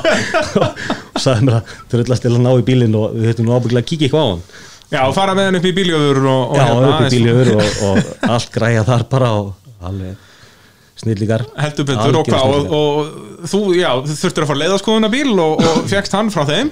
Já, já, við fórum bara hann á föstu deginum og skoðum og, og svo bara keppni á lögadeginum og þetta sumar, eða þetta sem keppni þá var Loftur og Daniel að tryggja sér ístar sem heitir að titil, held ég. hérna er ég með, já, skemmtilegt viðtal þetta er hvað eftir ábyggilega uksarryggi eða eitthvað svo leiðis svona þessar leiðir voru kerðar hann fyrir þá sem þekkja það, við skulum aðeins hlusta Þá er munurinn eist lítill eins og hann getur verið. Þú varst á hvað? 6.49? Já. Loftur, á hverju varst þú? 6.40 6.40? Þannig, þannig að þá er held ég eina myndleikar og hann er undan. Er ég undan? Og eina millokar. Já, miðað við það hafi munað 15 og hann er búinn að taka þér 9 pluss 7. Það eru 16 sekundur. blessa, þau bara gaman að þessu. Ertu að klúðra þessu? Það, það er allt í lagi, ég er að kera bílinn í fyrsta skiptið og ég ætla, ég ætla ekki að keppa við hann, mér fannst það bara svo hægur, það var bara svo hægur. Þú ert að keppa bílum í fyrsta skipti en það er eins og árangurinn vestni eftir því sem að leiðunum fjölgar sem að þú verður vanari á bílnum. Já, þetta var svo laust, það hendaði bara ekki framdriftsbíl, sólinn á móti og svona. Já, líka tilbaka. Tökum þetta brættir, tökum þetta brættir. Ekki sól á mótið aftur. Jæja, þetta er orðið slagur, einlið eftir. Já, já, eh, bara allt í ból. Það þýðir ekkert annað. Þarna sérst er eins og segir Loftur eh, hinn mikli meistari Loftur Mattíðarsson að berjast um Íslandsmeistaratitil og þú bara byrjar á að vinna hann á fyrstu leiðunum Já, þetta var, þetta var skemmtileg, þetta kom skemmtilega óvart. Já, En hérna, en hann var náttúrulega að keira alveg rosa flott þarna og stöður allt sumarið, sko. Ég náttúrulega kom bara inn hérna í eina keppni og það enga tapa og bara djöfla staðins. já, já Hann náttúrulega passa samt að skemmi ekki bílinni á þann ekki. En hérna, en við, við vorum að lenda líka í bílunum hann undir lok í þessari keppni. Við vorum Já. að missa kraft. Nú það er svoleiðis Já, það er nefnilega svolítið þannig, sko. Það er auðvita allar afsakaninnar í bókinu en, en, en hvað hefði gerst ef að, að krafturinn hefði verið þú veist, Já, hefði ég náðu að vera undan honum eða enda út í móa, skiljum, það veit ekki þú endar á að sprengja Nei, hérna bara beigja felgu eða ekki á síðustu leið Hún fór alveg, ég held að það var orðað það í viðtali sko, hún hafi farið alveg í pakkmann felgan sko, þú var að berjast í, í hérna bremsudæluna. Sko, þegar hún, hún nefnir bogna stálfelgur og kórluna það er eitthvað svo, það er eitthvað svo mikið hérna á milli. Ég sé þú bara sko hrista hausinn en þú horfið upp í heila sko, þetta er, eru margtræðir sem ég er að reyga upp fyrir staðalbúnaður í báðum servicebílum sikkur með leðina, alltaf stóra stína og svo bara berja felgurna Jep, það er, ég man alltaf eftir sko, ég held að það hermenn úr breska hernum sem að einhvern tímann hort, veist, þetta er alveg veist, 90 og eitthvað sko. Og þeir eru að koma í fyrsta skipti og bara trúði ekki sínum eiginu augum að þarna bara annar hver bíl eftir að koma þetta liðinni fór allir sverðismenn með stæstu sleggjuna að berja felgunar þeir náttúrulega ekki kynst neina öðru en að allir væru bara á professional rallyfelgum sem annarkort brotna eða ekki neitt sko. Já. og þarna bara, bara þetta voru fimm bílar eða eitthvað, allir með stóri stínu að berja felgur. Bara þykka slöngu og passa að lofti fari ekki út þó að felgan var eins og ég sagði í Pac-Man. Akkurat Já, já, þetta var ég man nú ekki alveg hvernig þetta var hann 96, nei 2006 segi ég. 2000, og- já, þetta er náttúrulega hausti 2005 og, og, Já, þetta er 2005, já, já, það er rétt. Og, og hérna þú endar nú að tapa fyrir lofti í þessari keppni uh, en síðan uh, ég kaupir bílinn eða ekki? Jú, svo kefti ég bílun á ykni var þetta svona svakalega gaman að, Já, þetta var alveg ógeðslega gaman. Og, og bara já, þetta var, þetta var eitthvað sem ég vildi virkilega taka upp á næsta level, sko. Þetta var miklu skemmtilega en að vera á hondunni, sko. Já, þetta er líka bara svona bíl sem var svona bara tried and tested þannig og bara virkaði. Já, þetta var kjöt þetta já, nákvæmlega. Þetta var kjöt þetta á þannig. Og hérna bara skriðdryggi sko. Og hérna hendaði mér mjög vel. Þannig að ég kefti bílinn og svo fór bara fór maður á fulltar en að kaupa bara eins marga svona bíla og maður komst yfir Já, þetta var svolítið standið, þú veist, servisbíliðinn og skoðunarbílinn og allt þetta var allt svona, hérna, kórólur. já bara eins og svo átti ég bara nóga varahlutum í báðum sig ykkur með við leið Já. þú veist hvort sem að það voru bremsur eða ströttar eða demparar eða bremsuslöngur eða þú veist þetta var alltaf til bara vaska sig og allt þetta þannig að maður gat alltaf keirt bara fulla ferð að því maður vissi að maður átti varahlutin hinn með Já. Og það var ekkert að fara að kosta mig fleiri hundur þúsund skilu Nei, þetta, þú bara pikkaður þetta upp á partasölum og, og já. ekki málið, sko. já, já, kerið vestur og reykóla náði eitt bíl og þetta, þetta var bara svona. Og, og hérna, þú veist þegar maður er búin að byggja sér upp svona pakka fullt af varahlutum og eitthvað þá var, þú veist áhættu faktorinn var svo lítill, skilur þú veist, það var alveg sama hvað þú lendir í þetta var ekkit að snerta buttuna eitthvað mikið ég- fjármál heimilinsins eða neitt sko. Akkurat, akkurat, þú veist, þá var brettir úr vél eða hvað það var, þú veist, þetta kostaði þá kannski bara nokkra tíu þúsum kalla, Já, en, en auðvitað kostar þetta náttúrulega að taka þátt alla keppninar og vera full, full season inn og, og leiðaskoðanir og allt það en, en, en, en samt í lámarki með hvað, hvað það getur verið sko. Og já, þarna 2006, að að þá ertu alveg búin að ákveða það fyrir tímabil að taka þetta all-in, taka full season. 2006 Já, þú, þú endar á að gera það. Já, já, já, já. Og það var alltaf planið, veist, þetta var ekki eitthvað bara svona, heyrðu, nei, mér gekk vel í fyrstu keppni, tökum keppni tvö, þú veist, þetta var alltaf bara, Já, ég ætla að taka full season já, já, já. og, og þetta var eitthvað sem að ég var, var ekkert búin að setja eitthvað deadline á hvenær ég ætla að hætta mér fannst þetta bara, þetta var bara eitthvað gaman sko. Já, akkurat, akkurat og, og hérna þannig að 2006 þá förum við hérna þá var Magnús Óskarsson með mér. Já, akkurat, og, og ég náttúrulega. Já, og þú, Þar já, og já, þú, eins, og, eins og þeir sem eru búin að læka motorsport síðuna eru búin að sjá að þar eru við strákarnir að- að að keppi rally. Já, já, það er síjungir guðvinnisunni á guðvinnesinu sko, þarna var eitthvað, þetta var sérst í fyrsta rallinu sem var alltaf svona sprettur og gildi bara helming til stiga. Já, já, og gott ef pappi var ekki keppnistjóri eða eitthvað svoleiðis sem við þekkjan rétt, hann var hann eitthvað í kringum þetta. Og, og það er semst verið að bjóða langveikum börnum að fara túr þarna síðustu ferðina. Og þá var eitt laust klass hjá þér og þá var um að gera að senda mig. Og þarna var sko pappi og Maggi að byrja að keppa þetta ár og þá náttúrulega þurfti að leifa mér líka eitthvað, þannig að það var hent mér upp í bíltið þín. Já. Það var alveg indislegt Ég held að hann hafi bara verið búin að spotta þetta út fyrir löngu síðan að þú ert náttúrulega langveikur Já, motorsportasti. já, ég alveg, þú sér það bara, ég kemst ekkert út úr þessu. Alveg sama hvað ég er inni. En þetta er rétt, þetta var, þetta var alveg, þetta var hörku skemmtilegt, Já, skemmtilegt rönn hjá okkur. heldur betur, ég held að ég hefði hangið í nótum allan tíman og allt sko. Já, er, enda sko við ég og Magnús bróður minn við vorum byrjaðir að- spila Colin McRae, tölvuleikin já, og vorum byrjaðir að gera, ég talaði um þetta hérna þegar Halldór Vilberg og, og Guðmundur Hranskuldsson voru í spjalli hérna um, um tölvuralíð að út af við sko kunnum ekki ennsku almennilega sko, þannig að við gátum ekki farið í menjuð og leiknum og slögt á nótunum og öllu því sko, þannig að við mjútuðum bara sjónvarpið Ah. settum teppi yfir efsta partin þannig að við sáum ekki örvarnar eins og er alltaf við svona rallileikjum og svo fórum við að skrifa nótur á okkur, þú veist, ég var alveg, ég kunni nótnasystemi bara átt ára sko já, gert. þannig að þetta loksins að fá fara inn í rallybíl og gera þetta alvöru var algjör snild sko. þó að þetta var bara einferðum guðvinni Já, þetta var skemmtilegt. Jú.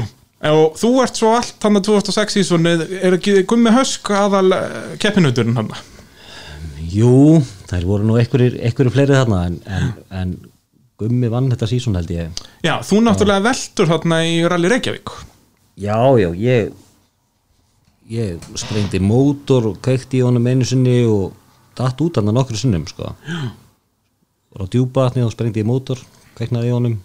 Svo, sem sagt, uh, alþjóðarallið þá, þá hérna kemst Maggi ekki í keppnina rétt fyrir, vorum ekkert búin að skoða og við hérna, ég fæ eitt sem er Gauji, Guðjón Rapsson, Rappi bílasali hérna, svona hans. Já, hann var nú ekki með mikla reynslu en hann kom bara kortir í keppni. Ég pikkaði hann upp á leiðinni í keppniskoðun já það er svo leys það var svo leiðis, við vorum vorum ekkert búin að skoða og ekki neitt Nei. sko. og við förum hann inn á djúpaðatnið og fyrsta leið og, og, og hérna og það var svona náttúrulega engi reynsla okkar á milli og, og lítil í lestrinum og, og ég fippaðist að ná einhverju, einhverju hæð fannst ég eiga inn eina hæð þannig að þetta var eitthvað svona miskilningur á milli okkar. En þetta endar allavega þannig að ég er á okkur 90-100 km hraða þegar ég velti í bílnum og við förum hann einhverja þrjár, þrjár ringi og já, þetta var alveg svo leys já, já, þrý ringir og, og þú veist toppurinn gekk aðeins niður og velti búrið og brotin hjálmur og, og eitthvað sko. Já, alveg, já, já. Og frammendin allir í steik og, og rúðan náttúrulega og aftur þetta bíli var alveg í klessu sko. Jú, ég sé myndir á hann og hann, er, hann var aðalega hann framan sérst, náttúrulega allir framendin var bara farinn. Já. og svo náttúrulega hann, já, á báðum ápóstónum sérst, fremstu póstónum á toppnum var og framrúðan náttúrulega bara í maski og, og hægra afturhóttnið eitthvað og já, akkurat. Þannig að þetta var, hann fór sá hérna nokkra stjörnur og tvístigandi og eitthvað. En, en þetta var þetta var í og veru ótrúlegt rally sko, þetta var þetta rally kendi manni ótrúlega margt. Og fyrsta, fyrst og fremst er það sko, sko hvað maður að segja? Sko samhelgnin í veist, ekki bara ég og servicin heldur sko allir hinni vittlýsingarnir eins og ég og þú skilur hvað, hvað menn hjálpa stað og hvað samheldin er mikil skilur þú veist, við komum út á leiðinni og þá, þá bara þá náttúrulega símasambandslaust þarna þá byrja að hrannast inn skilabúðin og þá er það bara frá strákonum og, og, og heimmi þar fórsprakki sko og, og fylgir og, og þú veist, bara fullt af strákum. Og hérna þá bara, við bara sleggjum hann í horfið í nótt. Ekki málið. Það var, það var, það var aldrei neitt annað í búið sko.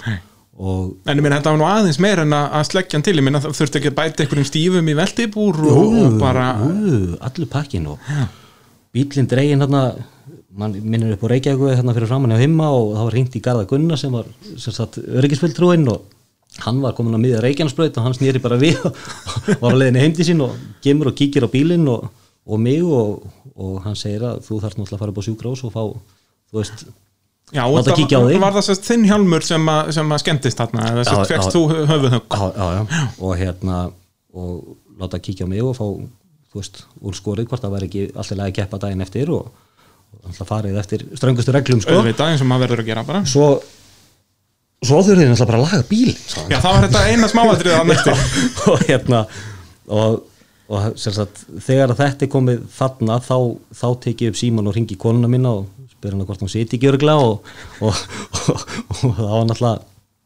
sagði ég hefði alltaf bíl, eða velt bílum en væri alveg í lægi með mig og sagði henni svona stöðuna við þurftum að kíkja að ég þurfti að kíkja aðeins upp yfir og, hún ætlaði að koma með mér og ég sagði þú þarf ekki að koma með mér, ég fer bara upp sagði þú ferð ekkert einn þarna upp yfir sko. Ég veit alveg hvað þú átt eftir að segja þeim sko. upp, upp á spítala allt sem þau þurfa að segja til að fóra að keppa morgun.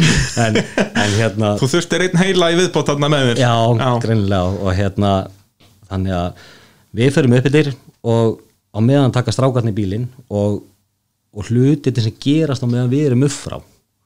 Þú veist fylgir opna vekstæði sitt, bílinn í réttingabekk þú veist, það eru þarna þegar mest er, eru 15 manns að vinna í bílum þú veist, það er búið að opna geimslusvæðið og það er búið að fara að ná í ykkur bodyhluti og drast þar og það er búið að ná í eitt bíl heim og annan upp á, já, upp á geimslusvæði heilan bíl og frammendin skorin af einum og rúðan úr öðrum og þú veist, þetta var bara þetta var eins og í bíómynd sko. Hvað gerðist á þessum sex klukkutímum?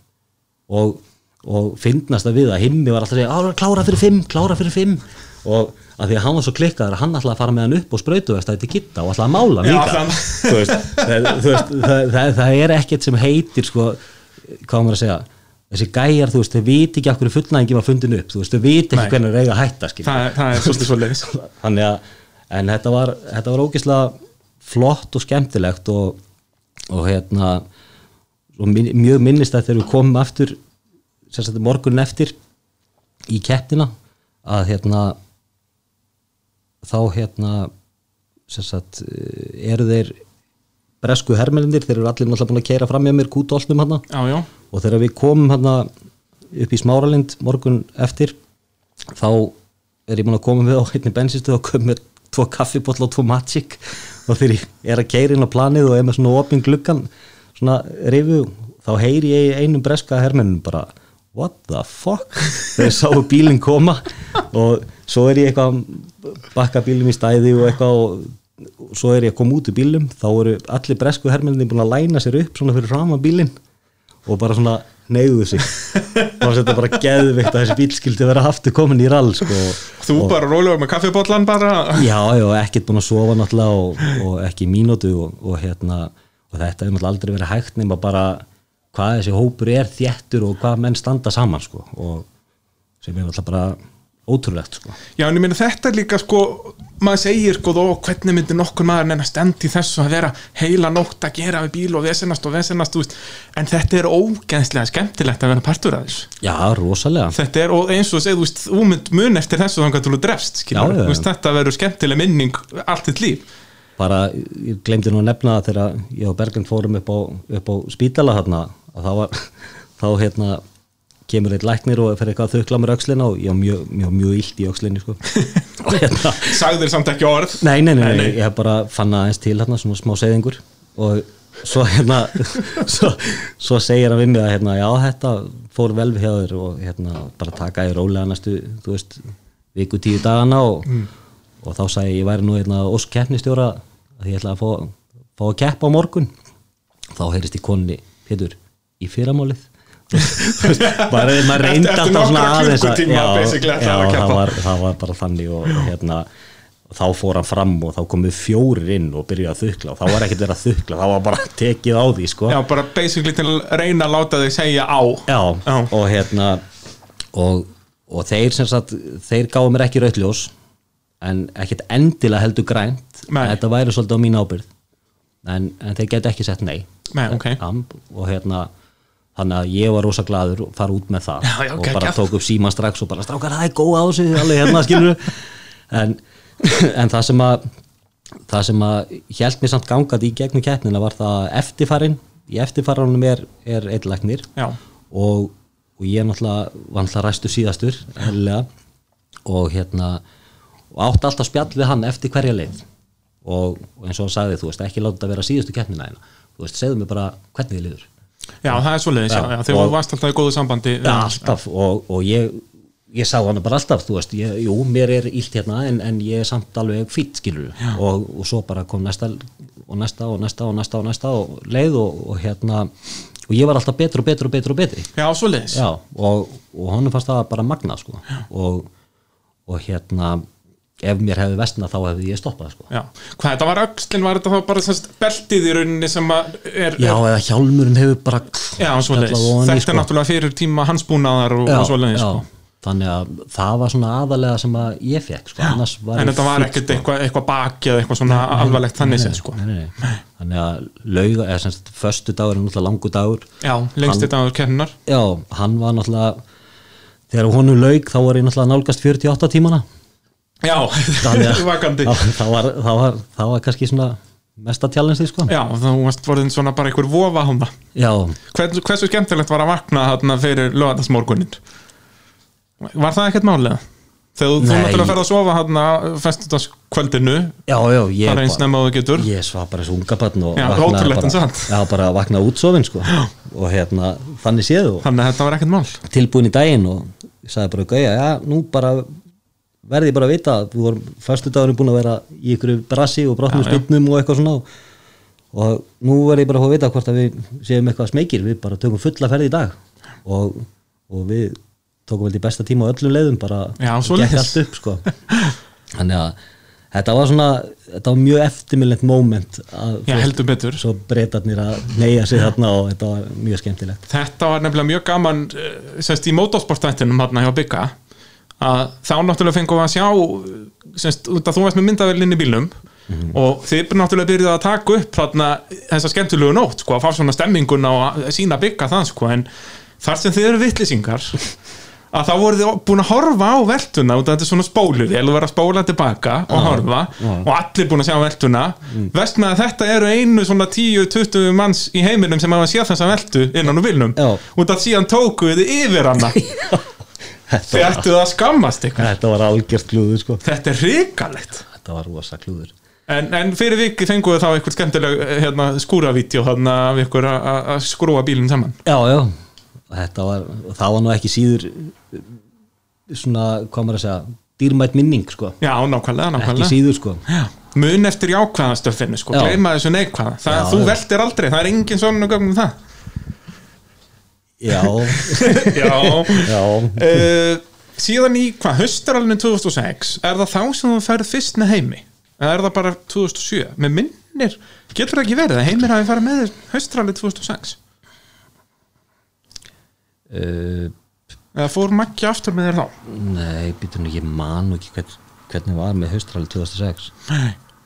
Bara mann það ekki skiptir kannski ek- ekki Nei. öllu máli en Nei. sem sagt fyrir 2007 tímabilið já, þá fer Heimir Snær Jónsson Já. með þér, bróðir Halldórs Gunnars Jónssonar og, og já, þeir bræðurnir eh, mikið legend í íslensku motorsporti já, gaman að segja frá því að ég á bara þátt í öllum Íslandsmeistaratillunum hjá þeim þremur bræðum og Já, Hannesi það er rétt, já ég var í service hjá Hlöðver og Hannesi þegar hann var Íslandsmeistari. Akkurat. Og hérna og líka hjá Dóra. Og Svo náttúrulega verður meistari með, með heimi Já. sem já, Þannig þeir væru ekki, þessi bræður væru ekki neitt án þín. Ekki raskat, Ekki raskat. Sko. Það er bara, þeir væru staðar að spila körfubolta núna eins og hálfvita. Já eitthvað svo leiðis Það er svolítið svolítið sko. Nei, þeir eru allir snillingar. Í algjöru meistarar. Algjörir Þess vegna er meistarar. svo gaman að gera grína já, ég veit það, þeir taka því. Uh, 2007, þá er mætiði nú með bílinn flottan það er búin að sprauta allan hvítan og komið geggja svona kastróla lúk á hann. Já, já, bara og eftir Works Toyota bílunum in the 90s já. Svaka töff, Já. fullt af flottum sponsum og Já, já, það var, það var mjög flott dæmi. Jú. og hérna og maður var kannski ekki með mikið auðlýsingum akkurat í byrjun sísons en leiðu við gerðum bílinn svona mertum hann svona og, og þá fór ég bara eins og niður í polsen þá fór ég með, þú veist, júbækling og eitthvað DVD-disk og eitthvað en fór á bílinn, bara full mertum til þeirra. Og ég vildi ekki fara á þessum tíma var, var himmi og vignir að keppa saman og voru með sponsið frá þeim. Já. og þeir voru að klára sitt skilur Já, það eru þeir á jeppanum eða ekki? Fókusnum eða jeppanum, ég manna það ekki. Ég held að þeir sé á jeppanum Já, ég held 2007. það. Og, og hérna, og þeir kláruðu sitt og svo þegar það var búið þá fór ég niður til bara með bílinn. Akkurat. Og talaði við Kristján þar og, og hérna mætti með þetta og hann sagði hvað hva ertu með þarna? Og ég sagði, já ég er með hérna en mér langaði bara að sína það svolítið. Lappaði bara með hann út og síndi hann bílinn. Og hann sagði bara, þetta er bara of flott til að taka ekki þátt í þessu sko. Nákvæmlega. Veist, og, og þannig að þetta var ekkert svona segja hvað við ætlum að gera. Þú veist, við erum búin að gera þetta, við ætlum að vera svona. Við ætlum að hafa þetta svona, því hann er bílinn eða flottur svona. Nákvæmlega. Og, og þannig að þannig byrjaði okkar samstarf hjá mér og Pólsen sko. og, og það er uh, já, alltaf sama þvælan í fólki sem segir að þú fer ekki langt á lakkinu það fer bara ansi langt á lakkinu. Já, klárlega. Það er, og, og bæði eins og já, Hjörtur Pálmi Jónsson á nú þessa skemmtilega setningum eða að þú farir ekki langt á lakkinu það er bara tóm þvæla og svo náttúrulega hann, uh, Palli, Jópal, hann talaði um þetta að þetta er eina vitið að fara bara á rallybílnum eða ætlar að fara að sækja þér eitthvað spons. Og hafa hann flottan út á, á plani og heyrðu, þetta er rallybíl, viltu gefa mig peninga? Já, það virðist virka hansi vel sko frekar en að segja að það ætlir að sigra heiminn að segja bara, heyrðu, svona er þetta. Já, það er það virkar, Já, þú veist, vera dúir. Nákvæmlega, nákvæmlega. Og, og þarna 2007 þá var nú hann Karl Fæðmynd búin að, hann var semst búin að vera að keppa með Magga, Magga bróður hann í einhverjum nokkrum keppnum 2006 á, á okkur eldgamalli svona kórólu eins og þú varst á nema kannski ekki alveg í jafngóðu standi. -hmm. og hvað er að setja allt kramið yfir í, yfir í svona ja, tilturlega nýjan kórólu, eitthvað 2002 árgerð já, Þannig að það leit allt svakalega vel út og, og, og þarna var nú svona smá slagur mitt ykkar, allavega kannski svona til að byrja með. já, það er gallið var grimmur að kera Já, já, en, en hérna þetta var, þetta var mjög skemmtilegt sísón, í alla staði í raun og veru. Þetta var, þú veist, jú, við unnum alla keppnina sumarsins og, og ég tók að eitthvað tíma saman í ganni ég held að við unni 96% að leiðum sumarsins. Já, það getur vel verið, sko. Já, ég held að það verið þannig.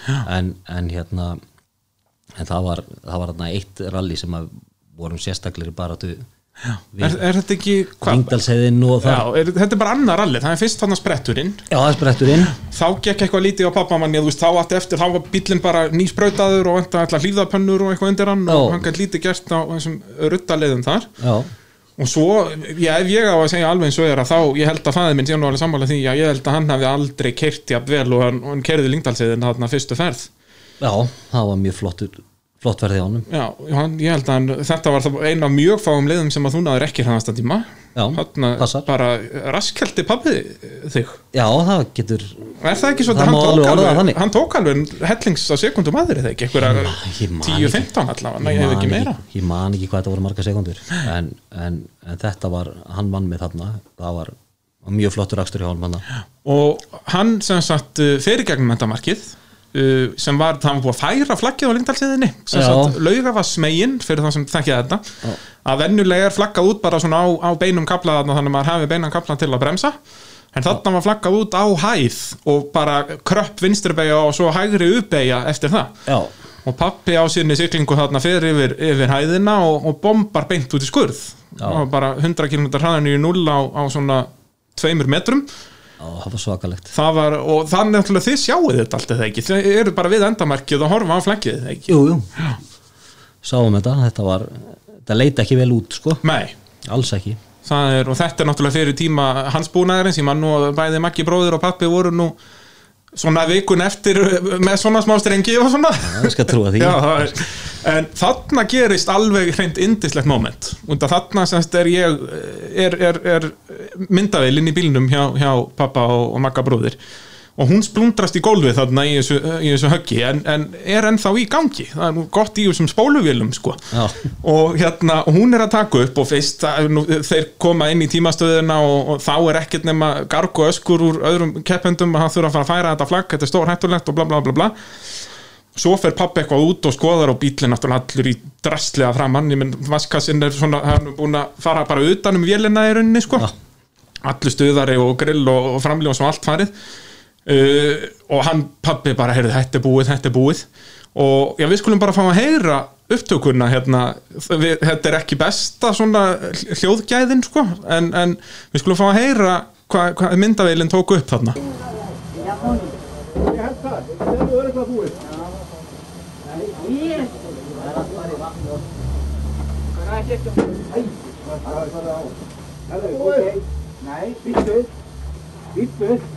Já,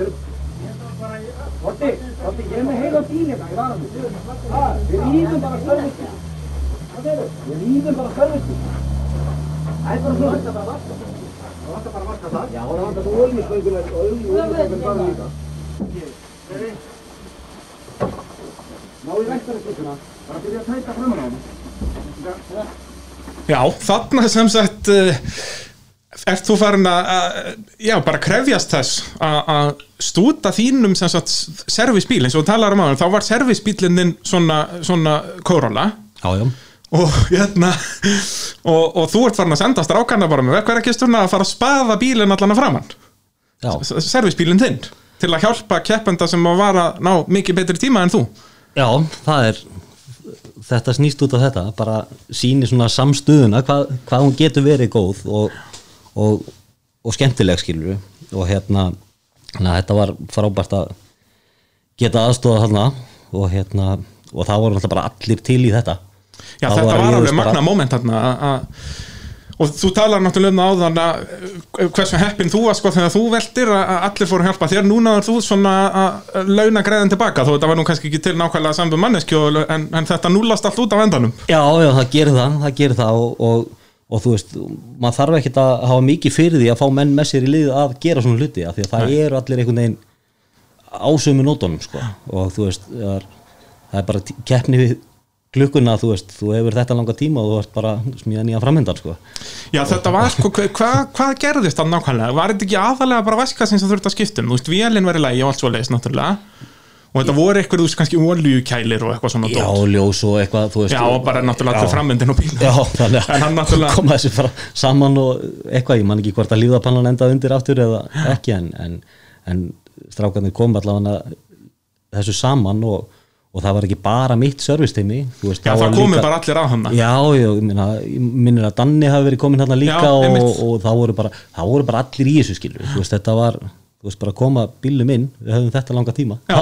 Þetta og þetta tókst, ég meina hann, hann, hann tapaði engum tíma á þessu, uh, gamli. Nei, nei, og, hérna, og hann endaði á að vinna þetta rall sem sagt í, í þau eru að keppa það nýst 2000 flokki og max 1 flokki. Já. og max 1 flokkur var semst svona 1600 flokkur. Já. og miða við bara hvernig keppnin var á þessum tíma, það var eitthvað yfirleitt sko, þau unnu yfirleitt báða flokkana. Já, og, en ja, máli var að sko, það var regla í þessu max 1 flokki að þú, þú, þurft, þú máttir bara nota max 1 dekk. Og, og pappi heldur kláraði sín dekki eða eitthvað svoleiðis og endaði rallið á okkur kúmáldekki þannig að hann gat allavega að gefa þér sko max 1 sigurinn Já, já. Til, að, til að launa fyrir sig. Þetta var Og- Hann vann 2000 flokkin þarna og Já. við unnum 1600 Já, þið voru í ykkur vesinu, hvort þið sprengduðu eitthvað, ég man ekki hvað það var. Ég man ekki hvað það var. Það var eitthvað Þið töpuðu ykkur mínútum held ég sko, þannig að þetta var undan náttúrulega bílinn var allur ramskakkur hjá pappa og makka, þú veist, þeir voru ekkert að keira neitt sérstaklega rattan eftir þetta sko. Nei, en, en svo náttúrulega eins og karmaðið er að þá að sjálfsögðu endar þú sem mestari já, já. Það er, eh, það er svolítið svoleiðis. Þó gerir í því að- láta eh, sko aðra vinna þig þá er það samt þú sem endar á topnum Já, þetta var Þetta var eins og ég segi, þetta var skemmtilegt sumar og, og hérna bara eftirminnilegt, mjög eftirminnilegt og, og hérna gekk einhvern veginn allt upp. Þetta sumar einskoraði svolítið mikið á að undibúningurinn hjá okkur var ótrúlega góður, alltaf. Já, þeir voru svolítið, með þetta var allt tipp topp bílinn var bara í 100% standi þú veist, allt, allt service stótarið, þú veist, það er náttúrulega tveir servicebílar, sikkur megin og stundum þriði í létti bílinn og, og þú veist, og það voru bara varahlutir í öllu þú veist, þannig að við vorum bara heima að vinna var upp á tíu. Akkurat. Og, og svo gekk náttúrulega bara fáránlega vel hjá okkur að bæði keira og, og þú veist, heimir að lesa nótur og þú veist, náttúrulega snillingur í því. Já, Já þarna var hann náttúrulega bara algjör nýliði. Svona þegar hann var búin að keppa eitthvað smá eða ekki, þú veist, ein og ein keppni það var hann alveg að byrja þarna? Já, ég er nú bara ekki klárað ég held að hann hafi nú verið búin að keppa eitthvað. Já, en ekki Já, mikið, sko, nei, það, mikið, svona hans fyrsta svona, svona raunverulega að, að taka full season Já. með allt í botni, sko.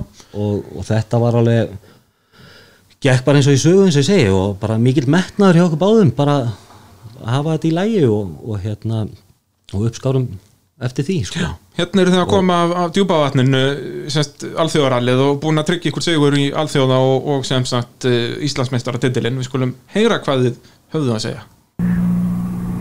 Til hamingi með árákurinn. Takk. Þetta er bara titill í 1600 og 2000 flokkir, er það ekki rétt hjá mér? Ef við komumst upp í Maxeil. Þið náðu því, er síðasta það ekki? sko. Jó, bílinn er allavega í lagi. Þetta er bara... Fyrstu leið í morgun þá lendum við í vesinni. Við bara... Gýrstöðin geta aftur sambandi, voru fastir í fjórða. Komumst ekki upp brekkuna á bara... Hvað er í gangi, sko? Þannig að við náðum að keipa því í liðin og... Þannig að svo erum við bara búin að keira safe það sem eftir er. Það er þetta slapp, Ha? þetta slapp. Já, við erum bara... Tókum á því í gæri og fyrir dag og svo erum við bara búin að keira svo kettlingar í dag. Já, þetta var eftirminnilegt hérna upp á Tröllásni Já, hvað hva var það? Já, það var svo, býtu, þetta var þetta var mjög eftirminnilegt vegna þess að Er þetta þá hvað yfir megasæti? Þú veist, er þetta ralla þá já. allt í einni beit? já, já, já, og hérna yfir megasetið í brekkunni þar þá festist hann í það var ekki bara fjórðagir Já, þú segir það fjóri. og, og er og við erum bara eiginlega ekki að ná að komast upp brekkuna Nei. og, og, hérna, Nei, og ég stoppa og, og hoppa út og, og sé að, hérna, að splitti að farið og skinnan og sem sagt barkinu sambandið þannig að hann á nú auðvelt að gera við það. Og ég er með hútið uppi og eitthvað og er búin að vera að reyna að finna út úr þessu. Og þá kemur einmitt sem sagt veðgarnir pappinn og bróðir og, og og, og þeir stoppuðu hjá mér. Bara er allt í lægi en það er eitthvað sem við getum hjálpað með? Skilur, einlega leið. Og ég segi bara nei fariði, fariði, fariði, fariði skilur og, og þú veist og hérna svo fann ég eitthvað, ég man ekki hvort ég fann eitthvað draslim í tróðan inn í þannig að við kæmust áfram sko. Já. og svo heldum við bara áfram hérna og, og klárum leiðina og, og þetta var bara eina ósétt momenti sem ég reddi við vorum, við vorum með sko á þessum tíma þá vorum með held ég níu koma eitthvað mínútur í fórustu Þannig er semst, held ég, pappi og Maggi á eftir ykkur, sko, ég held að það hefur keirt alltaf rallið á sama dekkjagangum, þetta var allt bara svona Já. eitthvað, og þeir voru bara að dúlla sér, sko, þannig að þeir máttu alveg við því að tapa ykkur mínúndum hann, sko. Já, já, og, og við, við hérna vorum með eitthvað rosa fórustu og, og búin að keira ég mest allt sumar einskólast bara í rauðastrikinu, sjöðu snúningar og yfir Jú, jú.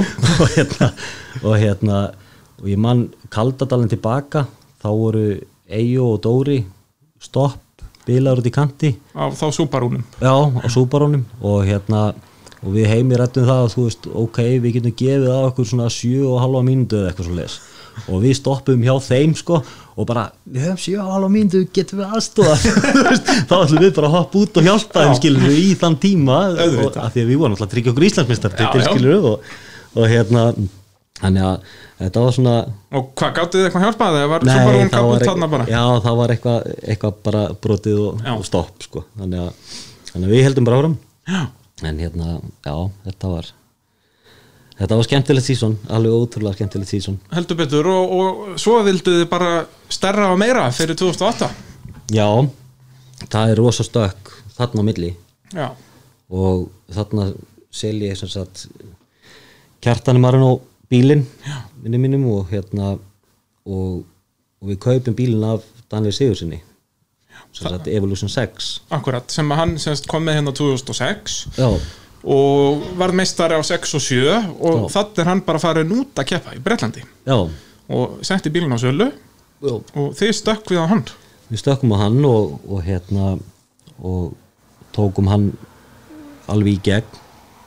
Og hérna fórum yfir og sögðum upp og máluðum og yfir fórum allt þannig að hann var bara mjög flottur. Alveg, hann var ótrúlega flottur hann að rallyartu lúkið hann var svona silfraður og rauður alveg geggjaður. Já og hérna mjög eftirmillet að koma á frímerki setnum árið. Akkurat, árið akkurat. eftir. Já. og settur á. Það er nú ekki margir rallybílar sem hafa ratað á frímerki. Nei, það er bara einn. Já, það er bara einn. Og hérna mynd sem að Elvarar tók og var á Lingdalseðinni mitt akkurat og hérna það var mjög gaman að því. En það, það var svona kannski velun fyrir að hafa bílinn vel út í lítandi og, akkurat, og svo les en, en þarna kaupuðu þennan bíl og, og þú veist að fara frá þetta 100, og- hvað á maður að segja að koronan sé 120-30 hestufl eða, á, eða á, hvað á er. góðum degi. Á góðum degi.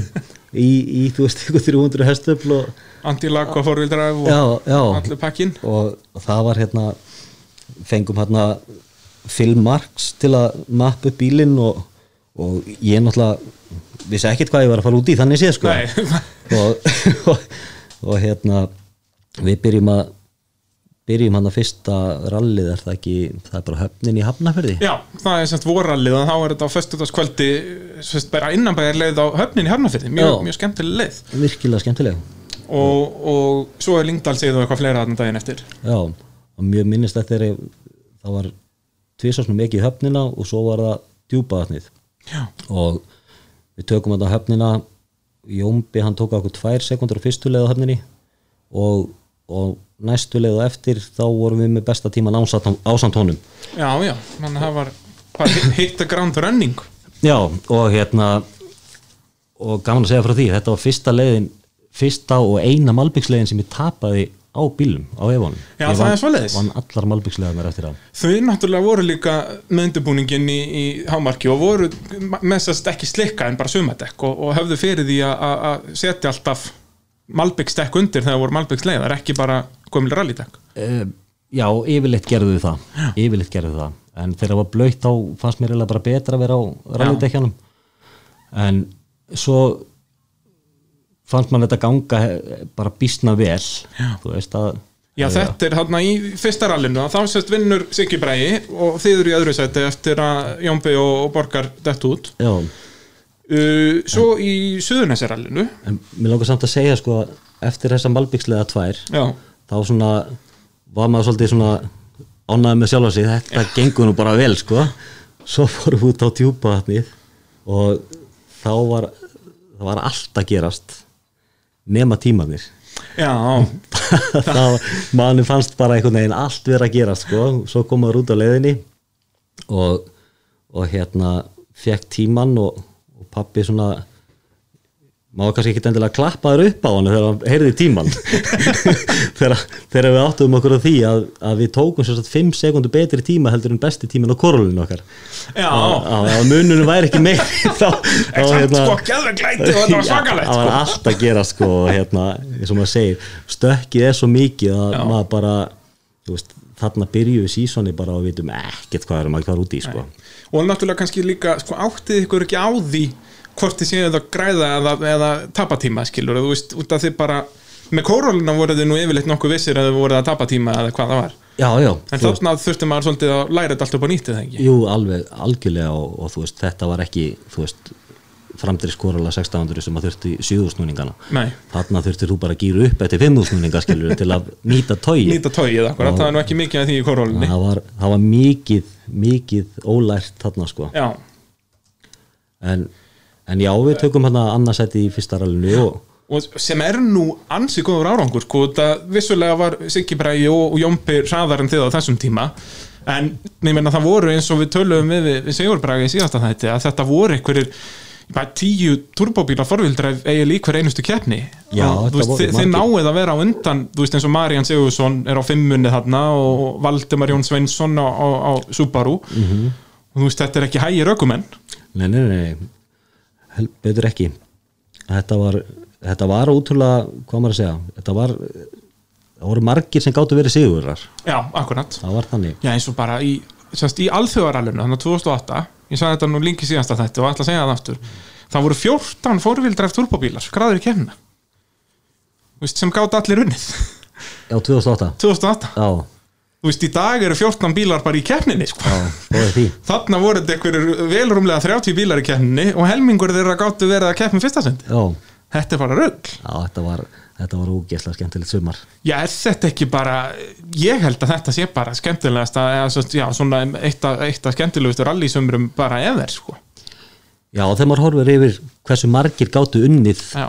unnið þá, þá var það þannig sko Já, held líka bara um leið og einhver, þú veist, þið þrýr voru nú yfirleitt á topnum, það var nú yfirleitt kannski 30-40 sekundur í næstu menn þar á eftir. En það mátti ekkert gera, það Nei, mátti ég segi ekkert út að bregða, sko. Um leið og sprengtir að þá dast ekki niður í sko þriðja eða fjórðasendi, þú dast niður í tíundasendi Já, sko. já. Þannig að, þetta, var, þetta var fljótt að gerast. Al, algjörlega. Uh, í Suðunarsarallinu, annari keppni þá eru þið bara lúmskir og vinnir. Já, það var algjör draumur. Já, bara önnur, önnur keppnin á bílnum. Já, og þá var ljóst að, heyrðu við neðumst til að fara að keppa um, um Íslandsmeistaratitilina já, bjöggustu við því? Veist, ég veit að maður, þið segjað alltaf nei, við bjöggumst nú aldrei við því að fara að keppa um titil. En bjöggustu við því að fara að keppa um titil? Nei, nei, ekki á þessum nei, en nei. var þá planið, þú veist, að taka 2-3 ár og, og byrja bara að læra á þetta? Hafði bara, þú veist, læra á bílinn fyrsta árið og, og þú veist, næsta ára vonandi að vera að berjast um eitthvað velunasetti, skilur Já, já, alveg svoleiðis, já. Það var svona meira þannig hugsað, sko. Já. og þú veist, bara stökki það að geta eignast bílinn er eitt, sko. Já, já, og svo að reka hann í, í full season og þú veist og, og þú veist það er bara mikill kostnaðamunur á því að kera bíl upp á þú veist, sjöunda til tíunda seti eða, eða reyna við fyrsta. Hvernig svona fyrir já, unga keppendur í dag sem er að byrja í þessu, hvað, hvað er þetta mikið stökk? Sérst, við vitum allir cirka hvað svona bíl kostar. Já, en þú veist, rekstra kostnaður í hver, af hver er hann svona miklu meiri heldur en á gömlu kórólunni sko, eða gamla súbarúnum eða hvað það er í dag? Sko ef þú ætlar að ef þú ætlar að vera berjast í toppsætunum. Þá er þetta bara eins í þessu sporti eins og í torfarinu og öðrum stöðum að þú veist, þú leggur ekkert á stað inn í keppnina vitandi það að, að stýrisendin eða spindillin er búin að vera undir í þrjárkeppnir skilur Já, þú veist, það er ekkert á honum og það getur vel verið að hann hangi tvö ár en þú tekur ekkert áhættin á því. Það er það mikið undir að þú ætlar ekkert að dett út, út af einhverjum 30 skalli þar eða 50 skalli eða hvað það er óljuskiptu, þú skiptur um ólju eftir einhver einustu keppni á öllu draslinu til að fylgjast með, þú veist, er eitthvað er eitthvað svarfi eða eitthvað, þú veist. Þú þarft að, það er þessi það er þessi fyrirbyggjandi viðhaldskostnaður. Þú veist, ok, við, við vorum svolítið duglegri að gera þetta fyrst til þess að reyna að ná upp sko eins og vorum með koruluna að hafa varahluti á báðum stöðum. Já, þannig að við vorum svolítið duglegri í að kaupa hluti setja nýja í, Já.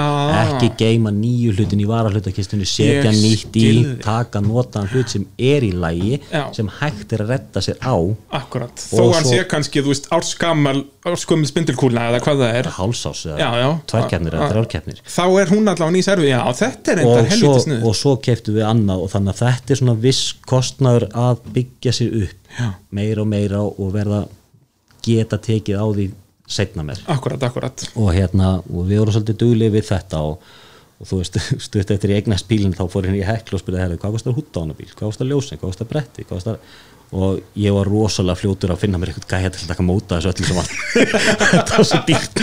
Já, þetta er náttúrulega líka vandamölu þegar þú ert komin á semst, Evo, þetta er ekki bara venjulegu lanser að Já. þá bætast bara nullin fyrir aftan öll verð, sko. Já, það er pínu þannig. Og hérna, og sjálfsagt orðið ódýrar að finna sér hluti í dag myndi ég halda Já, það það eru menn ekki bara flýtið inn frá Breitlandi ferðu allir umbúið kaupa húnt á 15 ára gamla Evo. Nei, nei, nei, nei. Og, og svo hérna svo hérna já, bara já, reyna fyrirbyggja allt að reyna að fá ekki þú veist, bam, 500 skona reikning. Já, út að það er kannski margir sem átta sig ekki á þessu að það er, það er ódýrar að kaupa endalaust af, af 50.000 köllunum. Am, ba bara svo að spindikúlan fari ekki á, á 200 km hraða og þú kútveldu bílnum eða, þú vilt það ekkert sko. Nei, það er ekkert spes sko. þannig að þetta var svona svona fyrsta árið, eða sagt 2008 fór svolítið í það að vera alltaf að reyna að búa sér til betri hvað maður að segja, backup sikkur megin við leiðina. Akkurat, akkurat. Uh, og þú náttúrulega, sko, akstu stíliðin þarna er þannig alveg að þú, þú vilt ekki fara að krasa bílum, þú ert bæði náttúrulega að læra á hann en síðan náttúrulega ekst hraðin bara jæmt og þitt yfir tímabilið, eins og við tölum um þú, þú vinnur aðru kernina, Suðunesarallið svo kemur Snæfestnesrallið mm -hmm. mjög skemmtilegt rall sem að bara eh, því líka veistlan að það er leiðar eru komnar aftur í Íslandsmótið, það er alltaf kert þetta núna í alþjóðarallinu. Og þar heldur áfram að vera á velunapalli ert þriðju þá en þá bæði semst Jómbi og, og Siggi Bræði á, á undan.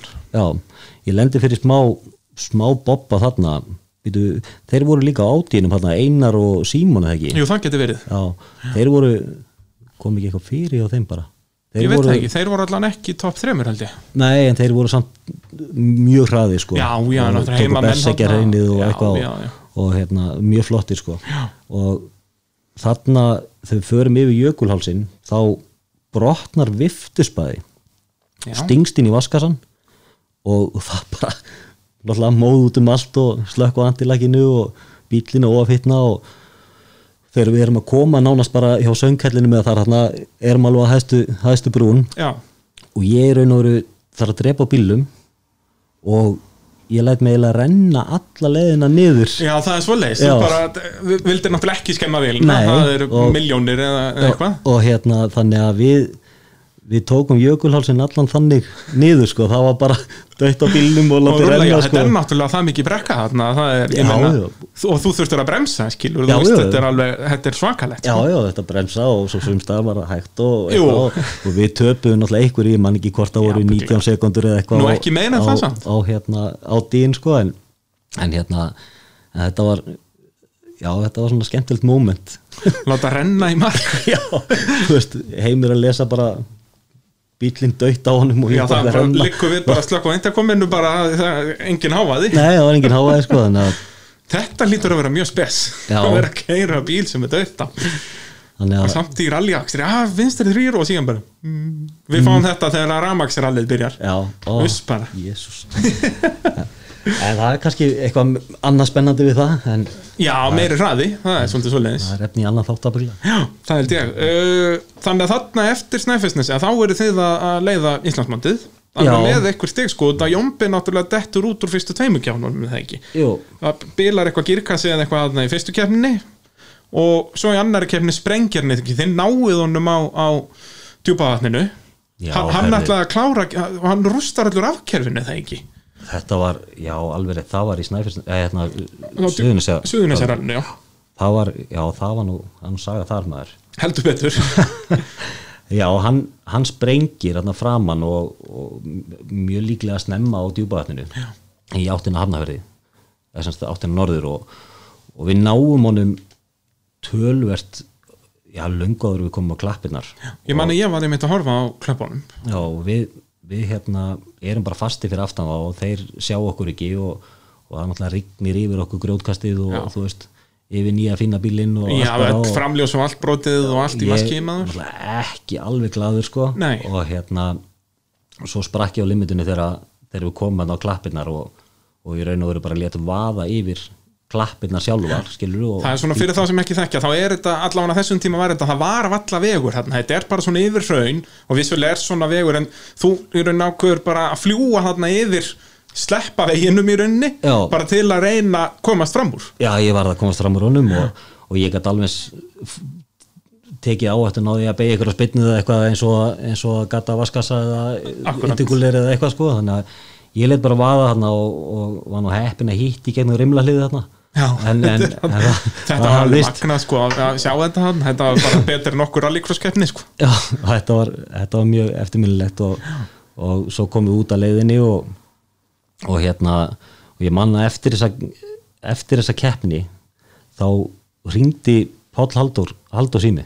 Já, einmitt, ég var einmitt í bíl með, með þeim hann á klöpunum Já, þá hafði hann farið með Dregi Jóhannes með sér út á og horfa á rally. Já, já, Og- á bensanum, Já, og hann ringdi í mig og óskaði mig til hamingi með, með hérna, flottasta framúrakstur í sögu íslenska rally. Og, hérna, og spurði mig jafnframt sagt, hvernig leiðurskoðunarbíl ég væri á. Og ég var svona station landsir leiðurskoðunar og hérna og hann sagði já herðu við hérna í jópaldíminu við viljum bjóða þér hérna aðeins í heimsókn.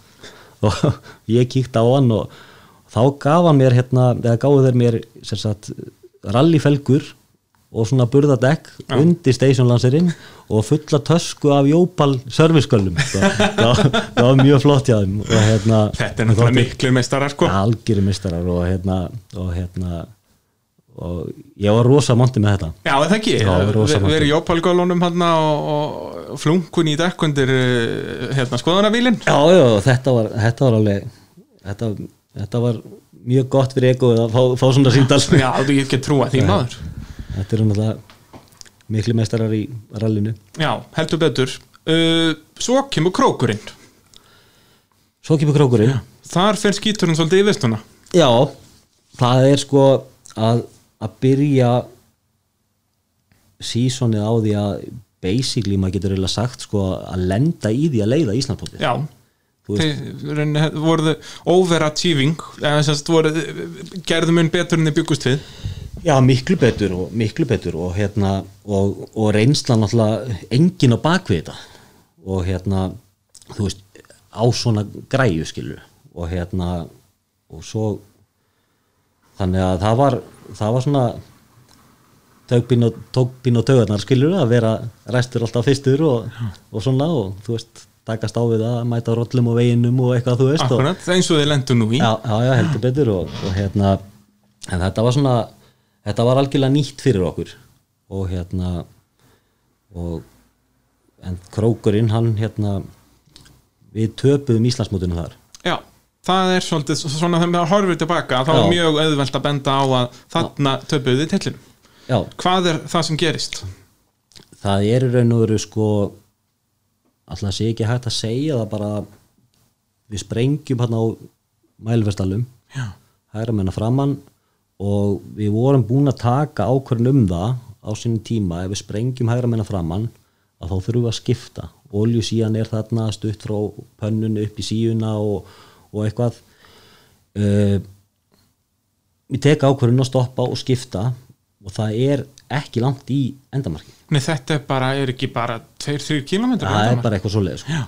og ég tek ákvörðin um að gera það og sem að í raun og veru kostar okkur Íslandsmeistaratitlin Algjörlega.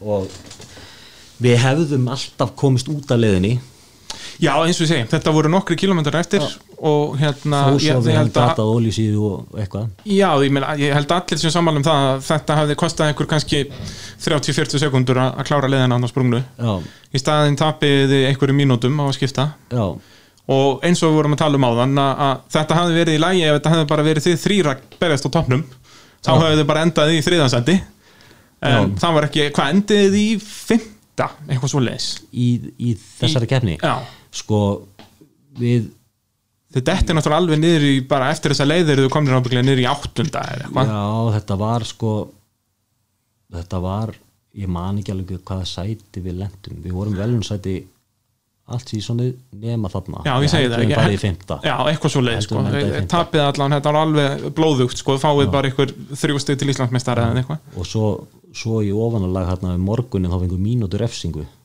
Nú, já, já, fyrir það var sagt, það var eitthvað tengt í að við komum við vorum í eða við vorum að und, já við komum ein, hvort það var einn eða tveimur sekundum of seint inn í Já, bara eitthvað já. Svona dæmi já, Eins og við segjum, reynsluleysið þetta er ekta. þetta var bara reynslureysið á því að vera ræsa fyrstur sko. Já, og þarna töpuðu við mínútu þú veist ef hún hefði ekki verið þá hefðu við farið upp í fjórðasæti eða eitthvað Já. og þá hefðu við tapað Íslandsmeistartillinu með hálfu stíð en ekki einu Já, þetta var eitthvað svona Þannig en, en- en, þetta- töpuðum á, á sprungnu dekki sko. Já, og, og ja, á þessari ákvörðun basically, það var ekki þannig séð sprungna dekkið sem að uh, tók titilin heldur uh, þetta er einu reynsluleysi í ykkur að fatta ekki, heyrðu nei, við klárum leðina það er ekki, já, það er bara já, það er bara þannig. þetta er náttúrulega líka þú veist, Jón Bjarni náttúrulega lendi þetta eftir út hann í söðunarsjáralinu eftir að hafa sprengt Mhm. út hann bara tætt allt hann upp mm.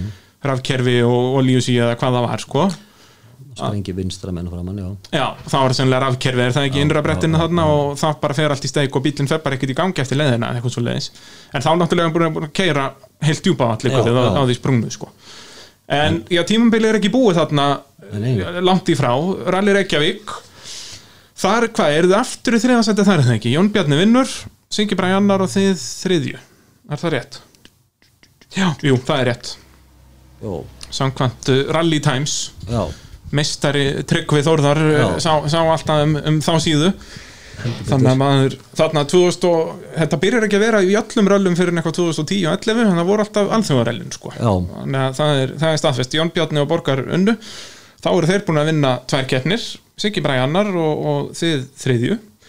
Þá er uh, hvað Siggi Bræ búin að vinna tvær keppnir Jómbi búin að vinna tvær keppnir og þið eina keppni. Já. Og svo haustarallið og þá vinnið þið en, en það var ekki nóg til að tryggja titilinn. Nei. og þið tapið, hvað, þið eru í öðru sæti til Íslandsmeistar en ekki þetta árið? Jú, Já.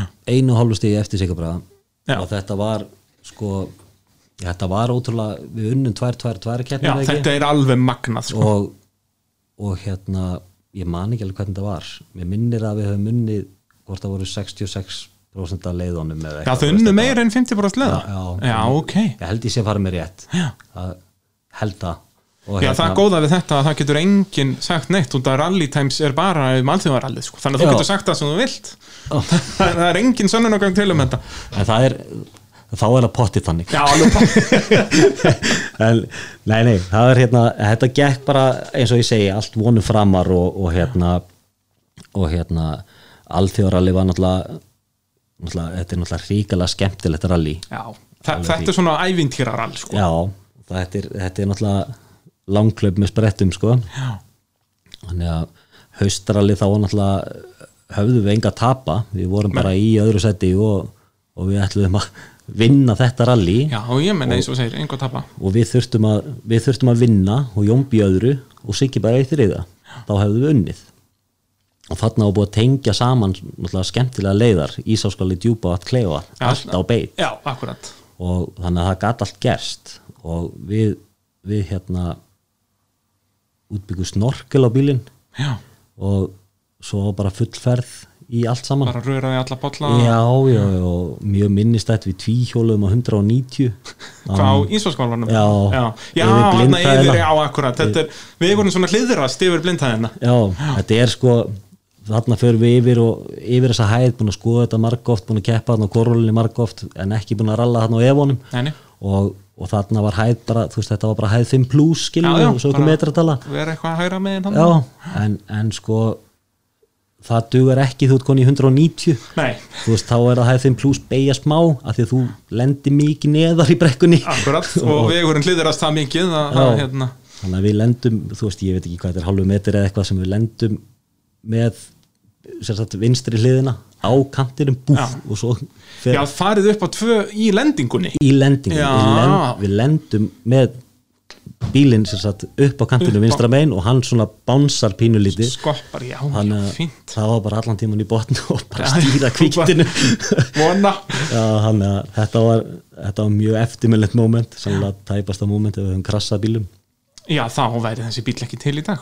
Ég held að Nei, það sé alveg ekki, sko. Það hefði bara verið part af þetta sest, út af það er, er kannski það besta væri sko ef þú hefði náða að velta bara inn á veginu sko, þetta er náttúrulega bara hraun og grjót þarna, þetta er allt farið í frumheiti sko. Algjörlega.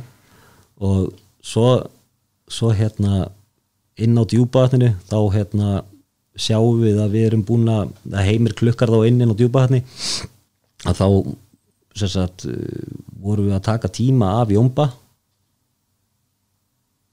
og að því við vorum minnir, byrju, Siggi Bræði var rættu fyrstur, svo við og svo Jómbi og við vorum að taka af Siggabræða og við sáum að, að hérna, Jómbi var ekki komin í mynd þegar við hverfum sko. Já. þannig að þetta var allt eftir plani Já, já.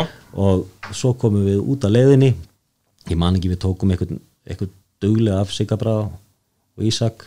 En, en hérna en Jómbi Jón Bjarni og Ról, Borgar þeir, þeir kom aldrei út af. Þeir dutt út þarna þeir dött út sko. Og og þá var það í rauninni, þá þurfti Siggi Bræði bara að vera á eftir þér. Hann þurfti bara að klára sko.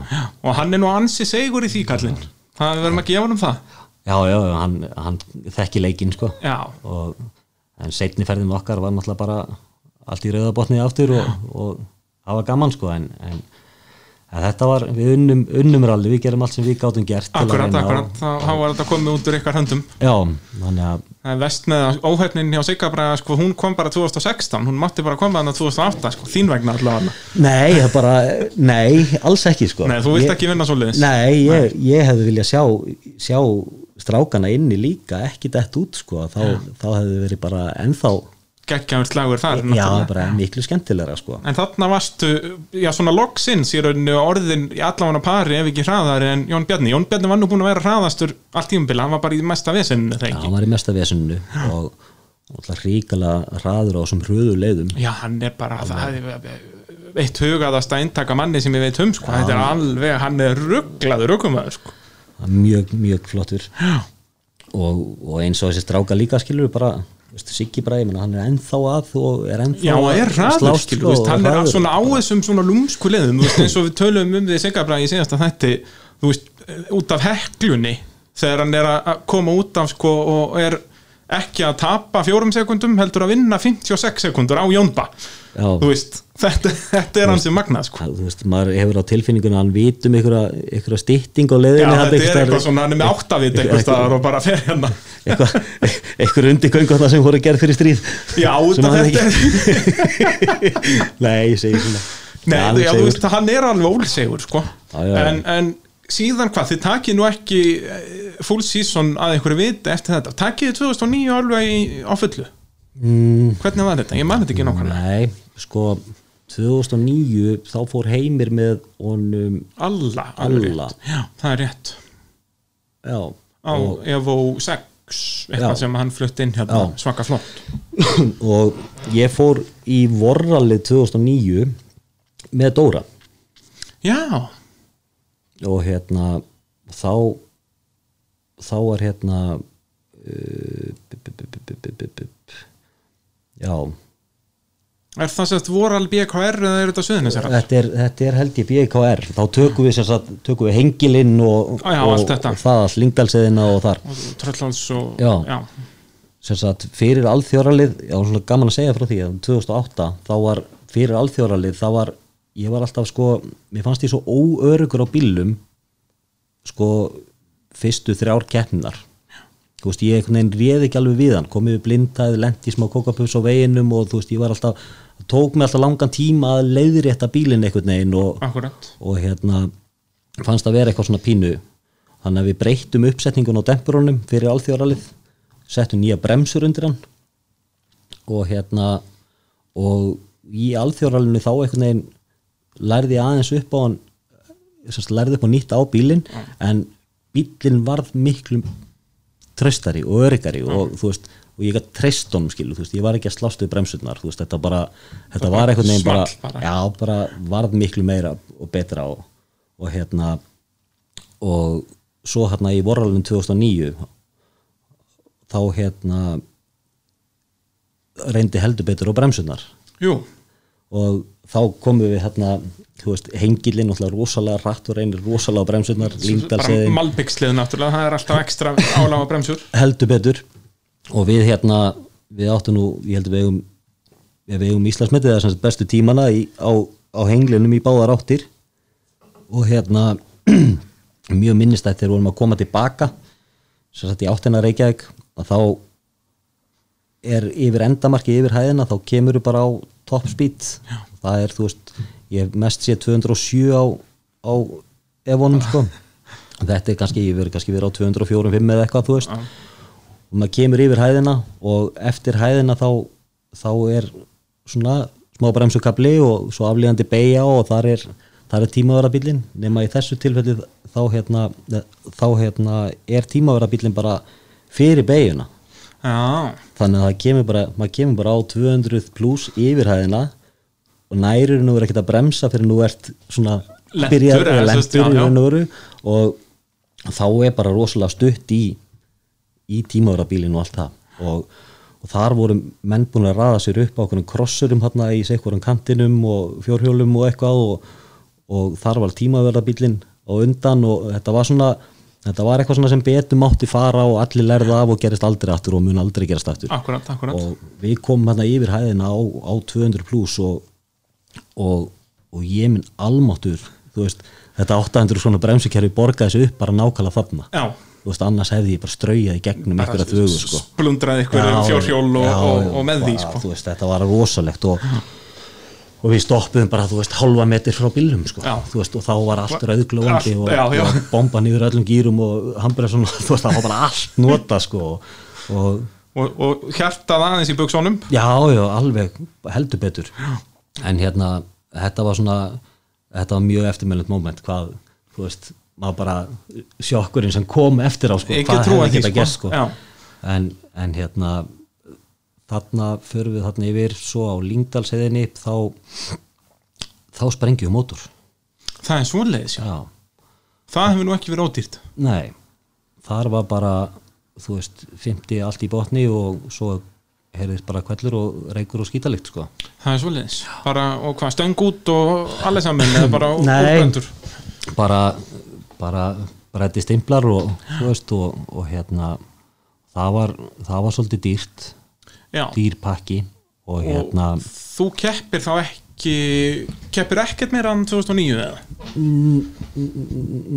Er þetta ekki bara, keppir ekki bara svona einhver einu og eina keppni að neftir henda? nei, ég kefti, ég, ég held ég hef ekkert keft neitt meira þarna 2009 Nei, ég held ekki sko, mætir í svona einu og eina keppni.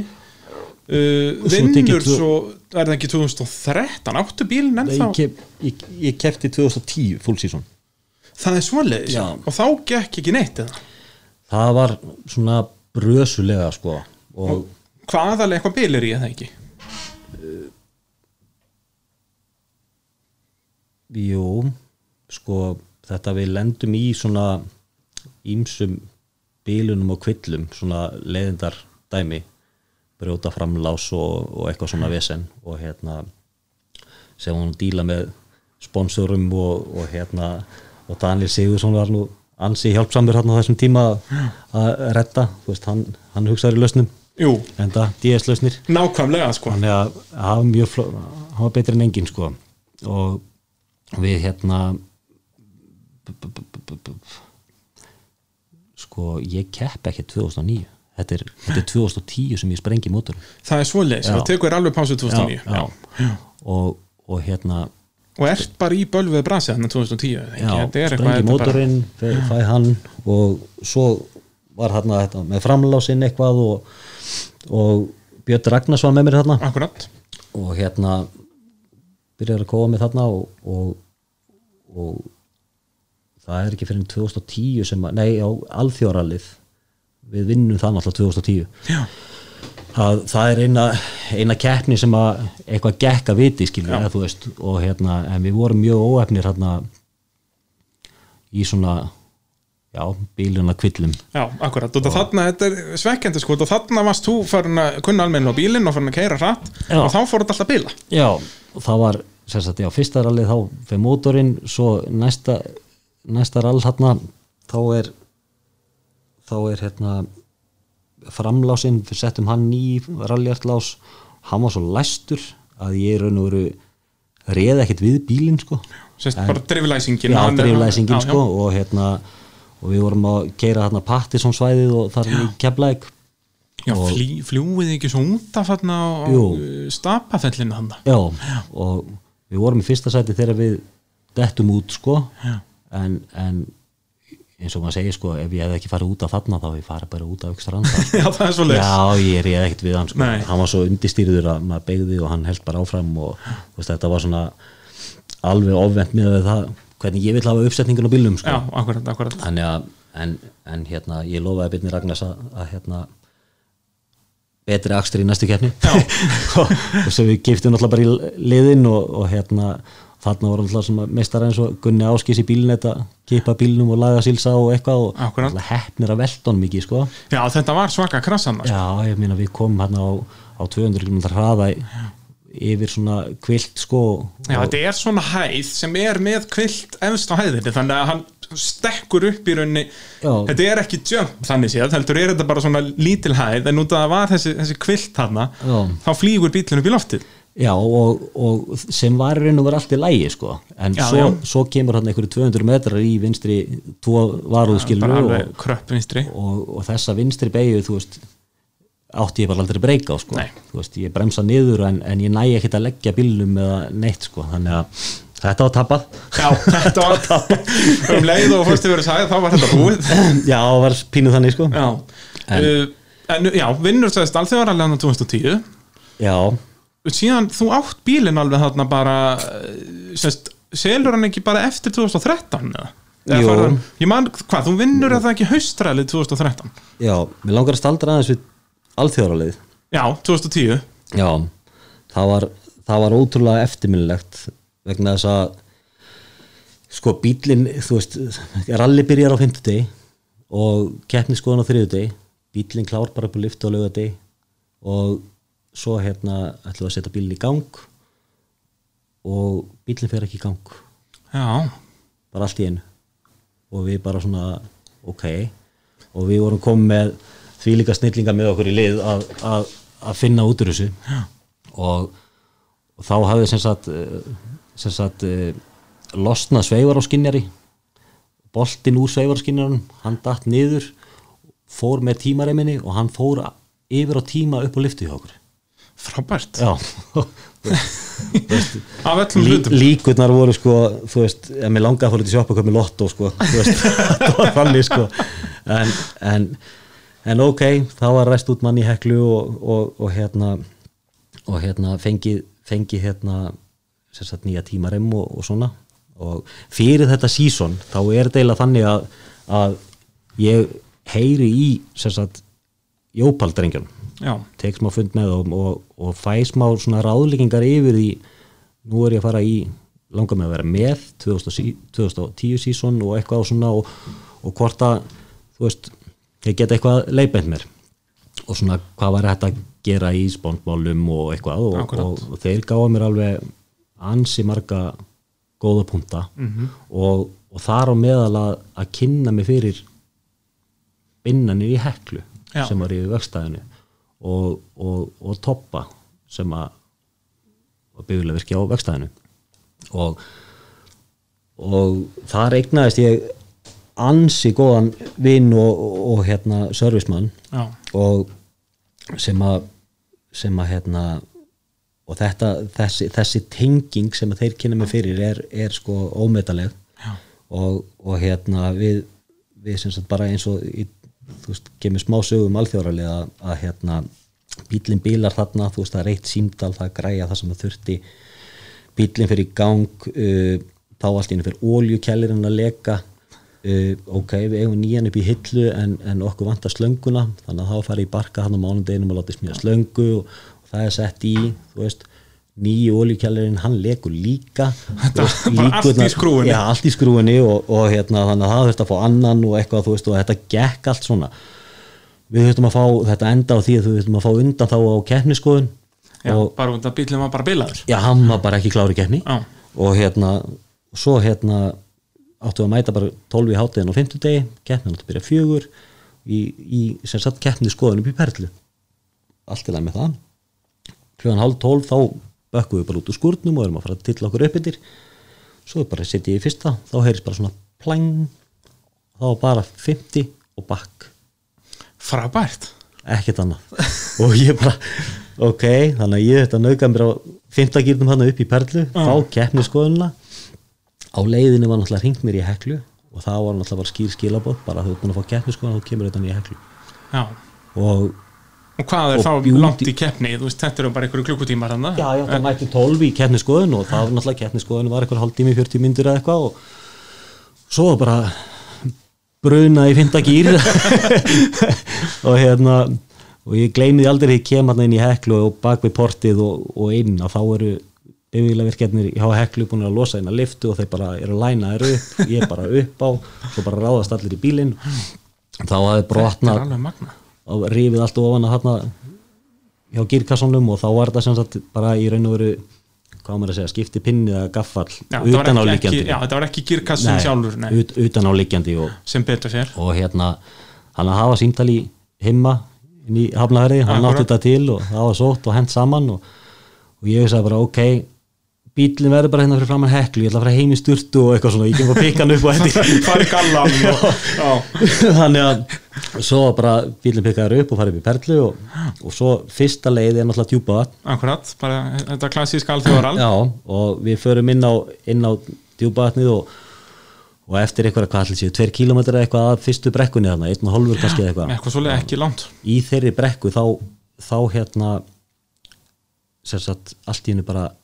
engi kraftur í bílum bara búff, já, bara stopp. Og drifum ekki upp brekkuna sko. frábært. Og hérna þannig að það var bara hoppað út, kíkja og hérna og reyna að finna út úr þessu og svo sá ég einn indikur sem hefði, hefði losnað í öllum hamagangnum. Já, og hérna og þar kemur all og heimir framjá og svo þegar Jó er að koma við töpum hann einhverju þrem mínutum hann bara strax í startinu á fyrstu Já. leið. Og svo kláru við djúpa vatnið, keirum mjög greimt það sem eftir er og allt í fínu standi. Inn á kleifuvatnið þar gera svolítið hlutir að, að við hérna förum inn á leiðina og höfum náttúrulega engu að tapa. Við vorum búin að ætla sko fyrir þetta rall, við ætlum að vinna þetta rall. Jep. við hefum ekki séns á bara og við ætlum að vinna alþjóðarallið. Akkurat. Og, og við hérna förum inn á, á kleifavatnið og, og þetta byrja náttúrulega rosalega hratt kleifavatnið, það er allt bara hæð Já, 5 þetta er bara, já, já, og beitna breiðu vegur, sko. Já, endar í, þú veist, hæð 550 hægri þrýri, vinstri 2 var og varúð og hérna, sem að Björn Ragnars les í mig og, og hérna svo ætti hann að og koma aftur þegar ég er að koma að hæðinni. En það einhvern veginn gerist ekki. Þannig að ég lifti aðeins upp bensíkjöfun og þá byrja hann að lesa og þá stendi hann aftur. Og, þú veist, og hérna, ég vissi ekki alveg hvað, hvað máli var þarna. Og, en, en við höfðum það fyrir reglu að alltaf eftir hverja leið þá rættu við alla leiðina hvað betum að fara, Já. hvað við getum gert hvað við getum breytt þessari beigju nótu eða hvað það er. Það er enda mjög gott og tipp allt í, allt í fesku minni og, og svo akkurat. Þannig að ok, við erum að ræða þetta. Eftir ekki eftir leiðina. Svo höldum við áfram, svo komum við að af stóru vinstri beginni þar sem að Já. Við keirum fram að jómba kút olnum sko. Kút, olnum Já, og, og- þið vitu nú alveg að þetta er mjög hröð bein já, þú veist, við tókum hann á 190 Já, og, og hérna tökum hann á 190 og, og, og sjá Jónbá þá hérna út af sem betur fer með ok skildi Já. en vá hvað það leiti illa út þegar við komum að þessu og bílinn líka bara í bútum þú veist bara við, og dreif það líka við að hann var í nokkrum postnúmerum bílinn sko. Þetta var alveg magnað sko. þetta var ótrúlegt og það er til vídeo af þessu netinu sko. Eitthvað sem að tekið upp á okkur ristavél landan 2010 Já, en, en það var gaman að sjá það það var allan tíman í flatt Já, já, það er ekki aldrei neitt hygg sko. ekki neitt og það voru mjög óhefnir hérna en svo eftir hennar beina kapla þá koma hérna, þú veist þessi hægri beig og vinstri yfir, yfir hæðina rétt fyrir, rétt fyrir lok endamars og, og ég náttúrulega keiri það og, og ég segi við, segi við Pétur Ragnars þegar við erum að ræða þetta hvað hérna já nei, býtu við förum hérna, þegar ég er í þessari beigju þá er ég í fymta í botni það er náttúrulega 200 pluss og þegar ég tek þessa hægri beigju og er að fara í vinstri yfir þá ætla ég að fara að gýra upp en var flatt átt í fymta og hérna það var allavega sko, hugurinn á réttum stað. Já, algjörlega Já. og náttúrulega mjög svektur yfir að vera að tapa hann einhverju þrem mínútum á fyrstu leið. Og, og það sem hefði undan gerst bara í vikunni sko. og hérna við klárum leiðina og svo fyrir við að ræða þetta og ég segi við, segi við Björn að hérna, hvað, hérna, hvað, hvað var þetta með nótunar hann í byrjun, hverju fekk ég ekki hæð 550, þú veist, hægri þrýri vinstri, tvo varu varuð já, ég, ég held þú allar aldrei að bremsa fyrir, fyrir begina og við vorum alltaf að leiða skoða þetta þarna og, en aldrei keift í þessa áttina. Og við höfum aldrei rætt það að ég bremsa eftir begina Já. þrátt fyrir að það sé 50 metra því að vegurinn hallar réttur og Já, svo já. svo ég segi já, ég bremsa ekki fyrir þessu begi og þa þarna, þú veist, ok þá er, þú veist, það næst. en hann segir sko en gerur grein fyrir ákvaða hrað og varst þegar þú lagði bílinn þessum á veginum?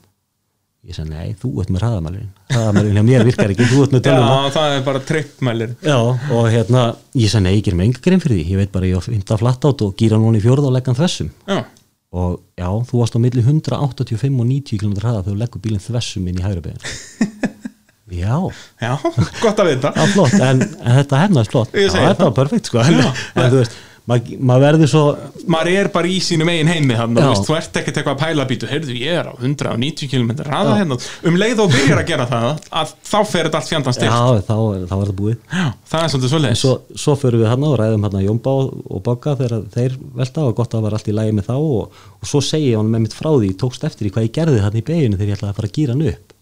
Nei, hvað var það? Að við vorum flatt átt í 15 og ég ætlaði að fara að gýra hann upp, upp. þá, þá segir hann um mig Pétur, ertu vissum við klárum þetta rally?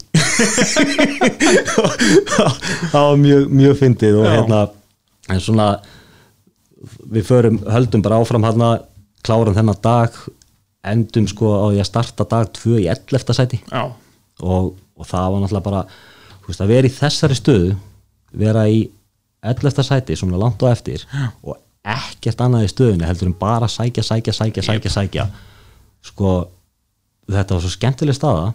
Já, bara- ógeðslega sáuð bara rautt. Já, bara það var bara fullaferð og, og svo bara unnum við okkur upp og, og hérna og endum á því hérna fyrir síðasta daginn að hérna að uh, Danni lendir í vesinni þarna líka. Tapar, tapar slatta tíma hellingstíma. Þá eru þeir bara komnir upp í fyrsta. Og, og þá og Himmi, hann var með fórustu hana í fyrsta. Já, alveg rétt, já. Himmi var í þannig er fyrsta sko. á, á fimmunni. Já, Himmi var í fyrsta og Danni átt okkur upp á Kaldadal. Alveg ótrúlega rakstur á drengnum sko. Er hann þarna á súmparúnum að svilkis Já, Já. já, hann að rauða hérna, já, appi sínu já, já. sem tók alveg fáralega tíma þar alveg bara geggjað rakstur enda aðeins svona sást á sílsum og, og hörðum svona eftir. Já, já, en skilaði sér. Já, já, hann nýtti sér allan veginn. og hérna og svo, svo fyrir síðustu, síðasta daginn þá, þá var, var rauðunin sem sagt himmi Danni ég. Og, og hérna við vorum búin að sjá það út að við værum að fara að ná him á þeim him á Já. Davíðan Davíðan hafi verið með já, á það ekki, jú, held að og, og miða við aksturinn hvernig við vorum búin að tíma þetta þá ættum við að ná honum en þá var það bara spurningin Danni var 35 sekundum undan okkur. Já, og hérna og við tókum hérna hengilinn þar tókum við tókum við af honum einhverja sekundur og, og gaman að Jópalstrákandi þeir voru í undafarar hann í þessu ralli alltaf og þeir voru alltaf að sagði okkur hvaða tímar voru í gangi sko. Og hérna og svo kom, svo kom Lingdalsegin, þar voru sömu sekundu svo kom hengilin tilbaka, þar tókum við einhverjar, mann ekki 6 sekundur eða eitthvað. Og svo kom kleifavatnið, þá átt annars skrúa ný dekk undir bílinn, enn eitt skiptið. Ég átt ekki svona mikið, ég setti bara fjögur ný dekk. Og, og hann, ég svo bara hvað, aftur ný dekk? Já, ég ætla að vinna þetta saman ég sagði, já, það ætla ég líka að gera. Og hérna, eh, skemmtilegt og svo, svo fyrir Dannin á djúpavatnið, nei, kleifavatnið og, og hérna, jafnar Íslandsmetið já, þá var Jómbi tók Íslandsmetið í þrjár 11 Já, nei það þrjár ekki 11, ekki 7 11 nei, á klefavatninu nei þrjár 11 á þrjár 11 þrjár 11 frekar en 12 eitthvað svo leiðis ég þá voru 12 held ég. Og, og hérna, Danni bætir það þannig nei Danni jafnar það hana já, og við bættum það í 306 306 Já. þannig að það það var fannstu þá sjötta kýrin þú varst að leita þannig já, þetta það bara gekk allt upp þarna og, og bara já, þetta var aldrei að lenda hann í endamarkinu sko. nei, ekki trúa því sko. Þetta var- þá er þetta frá hafnafyrði þá endar, Hafnari, endar já, já, akkurat. Og það var alveg ógeðslega skemmtilegt.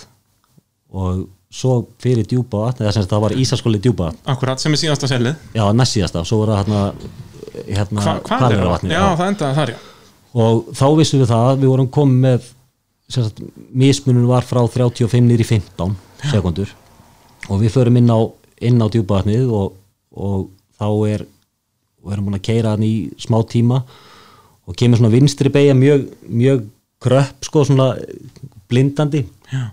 nema það að þá hafði himmi mist stjórn á bílum þar og er fastur inn á veginu þar. Öfur utan vegin, hálfur inn á vegin og þegar við komum að það þá er einhver að sem er að horfa á rallið og er að keira til þeirra á móti umferðinni. Já, og við komum yfir hæðina á sunnan sjö.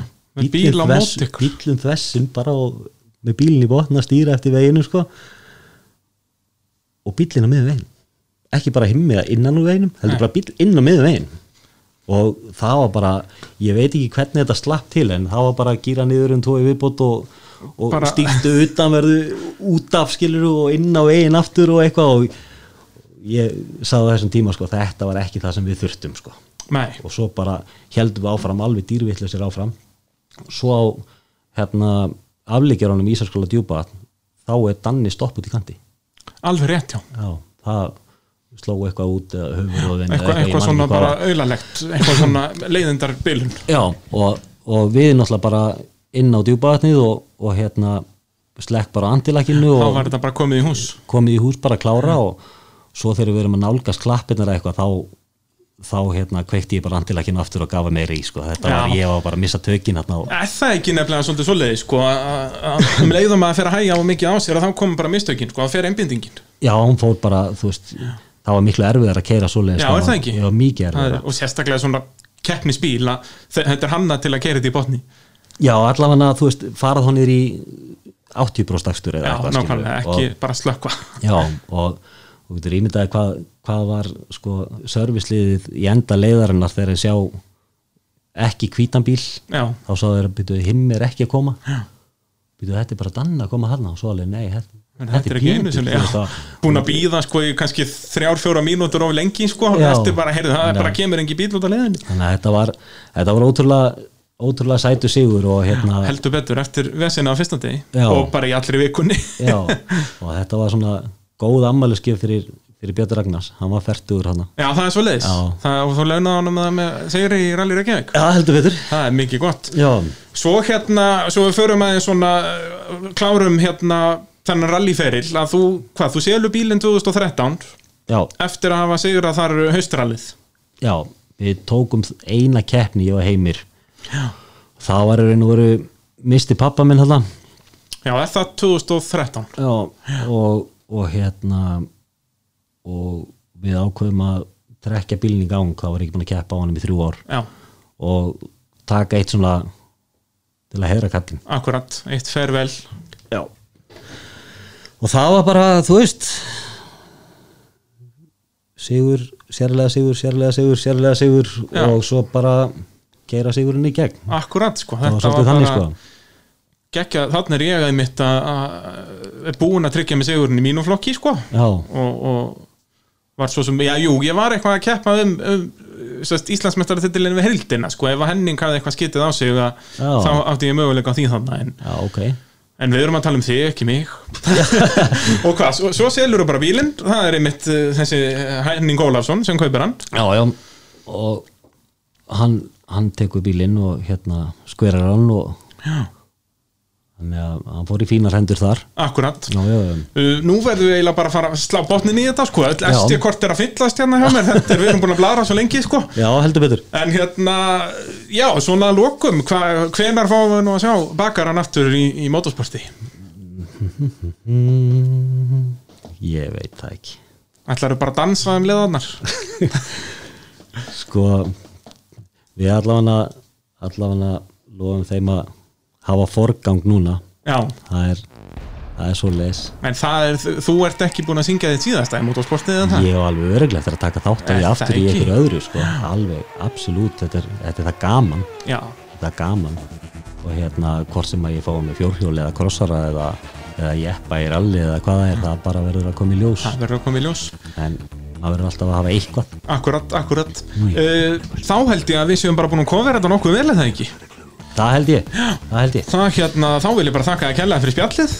Já, takk sem leis Það gaman, að- gaman að fá þig hérna og, og þetta var að sjálfsögum allt saman í bóðið Innvela og AB Varafluta og já, takk fyrir að hlusta enskulega fólk, Pétur enn og aftur. Eh, takk kærlega fyrir spjallið. Og já, bara þanga til næst, bless bless. Takk, takk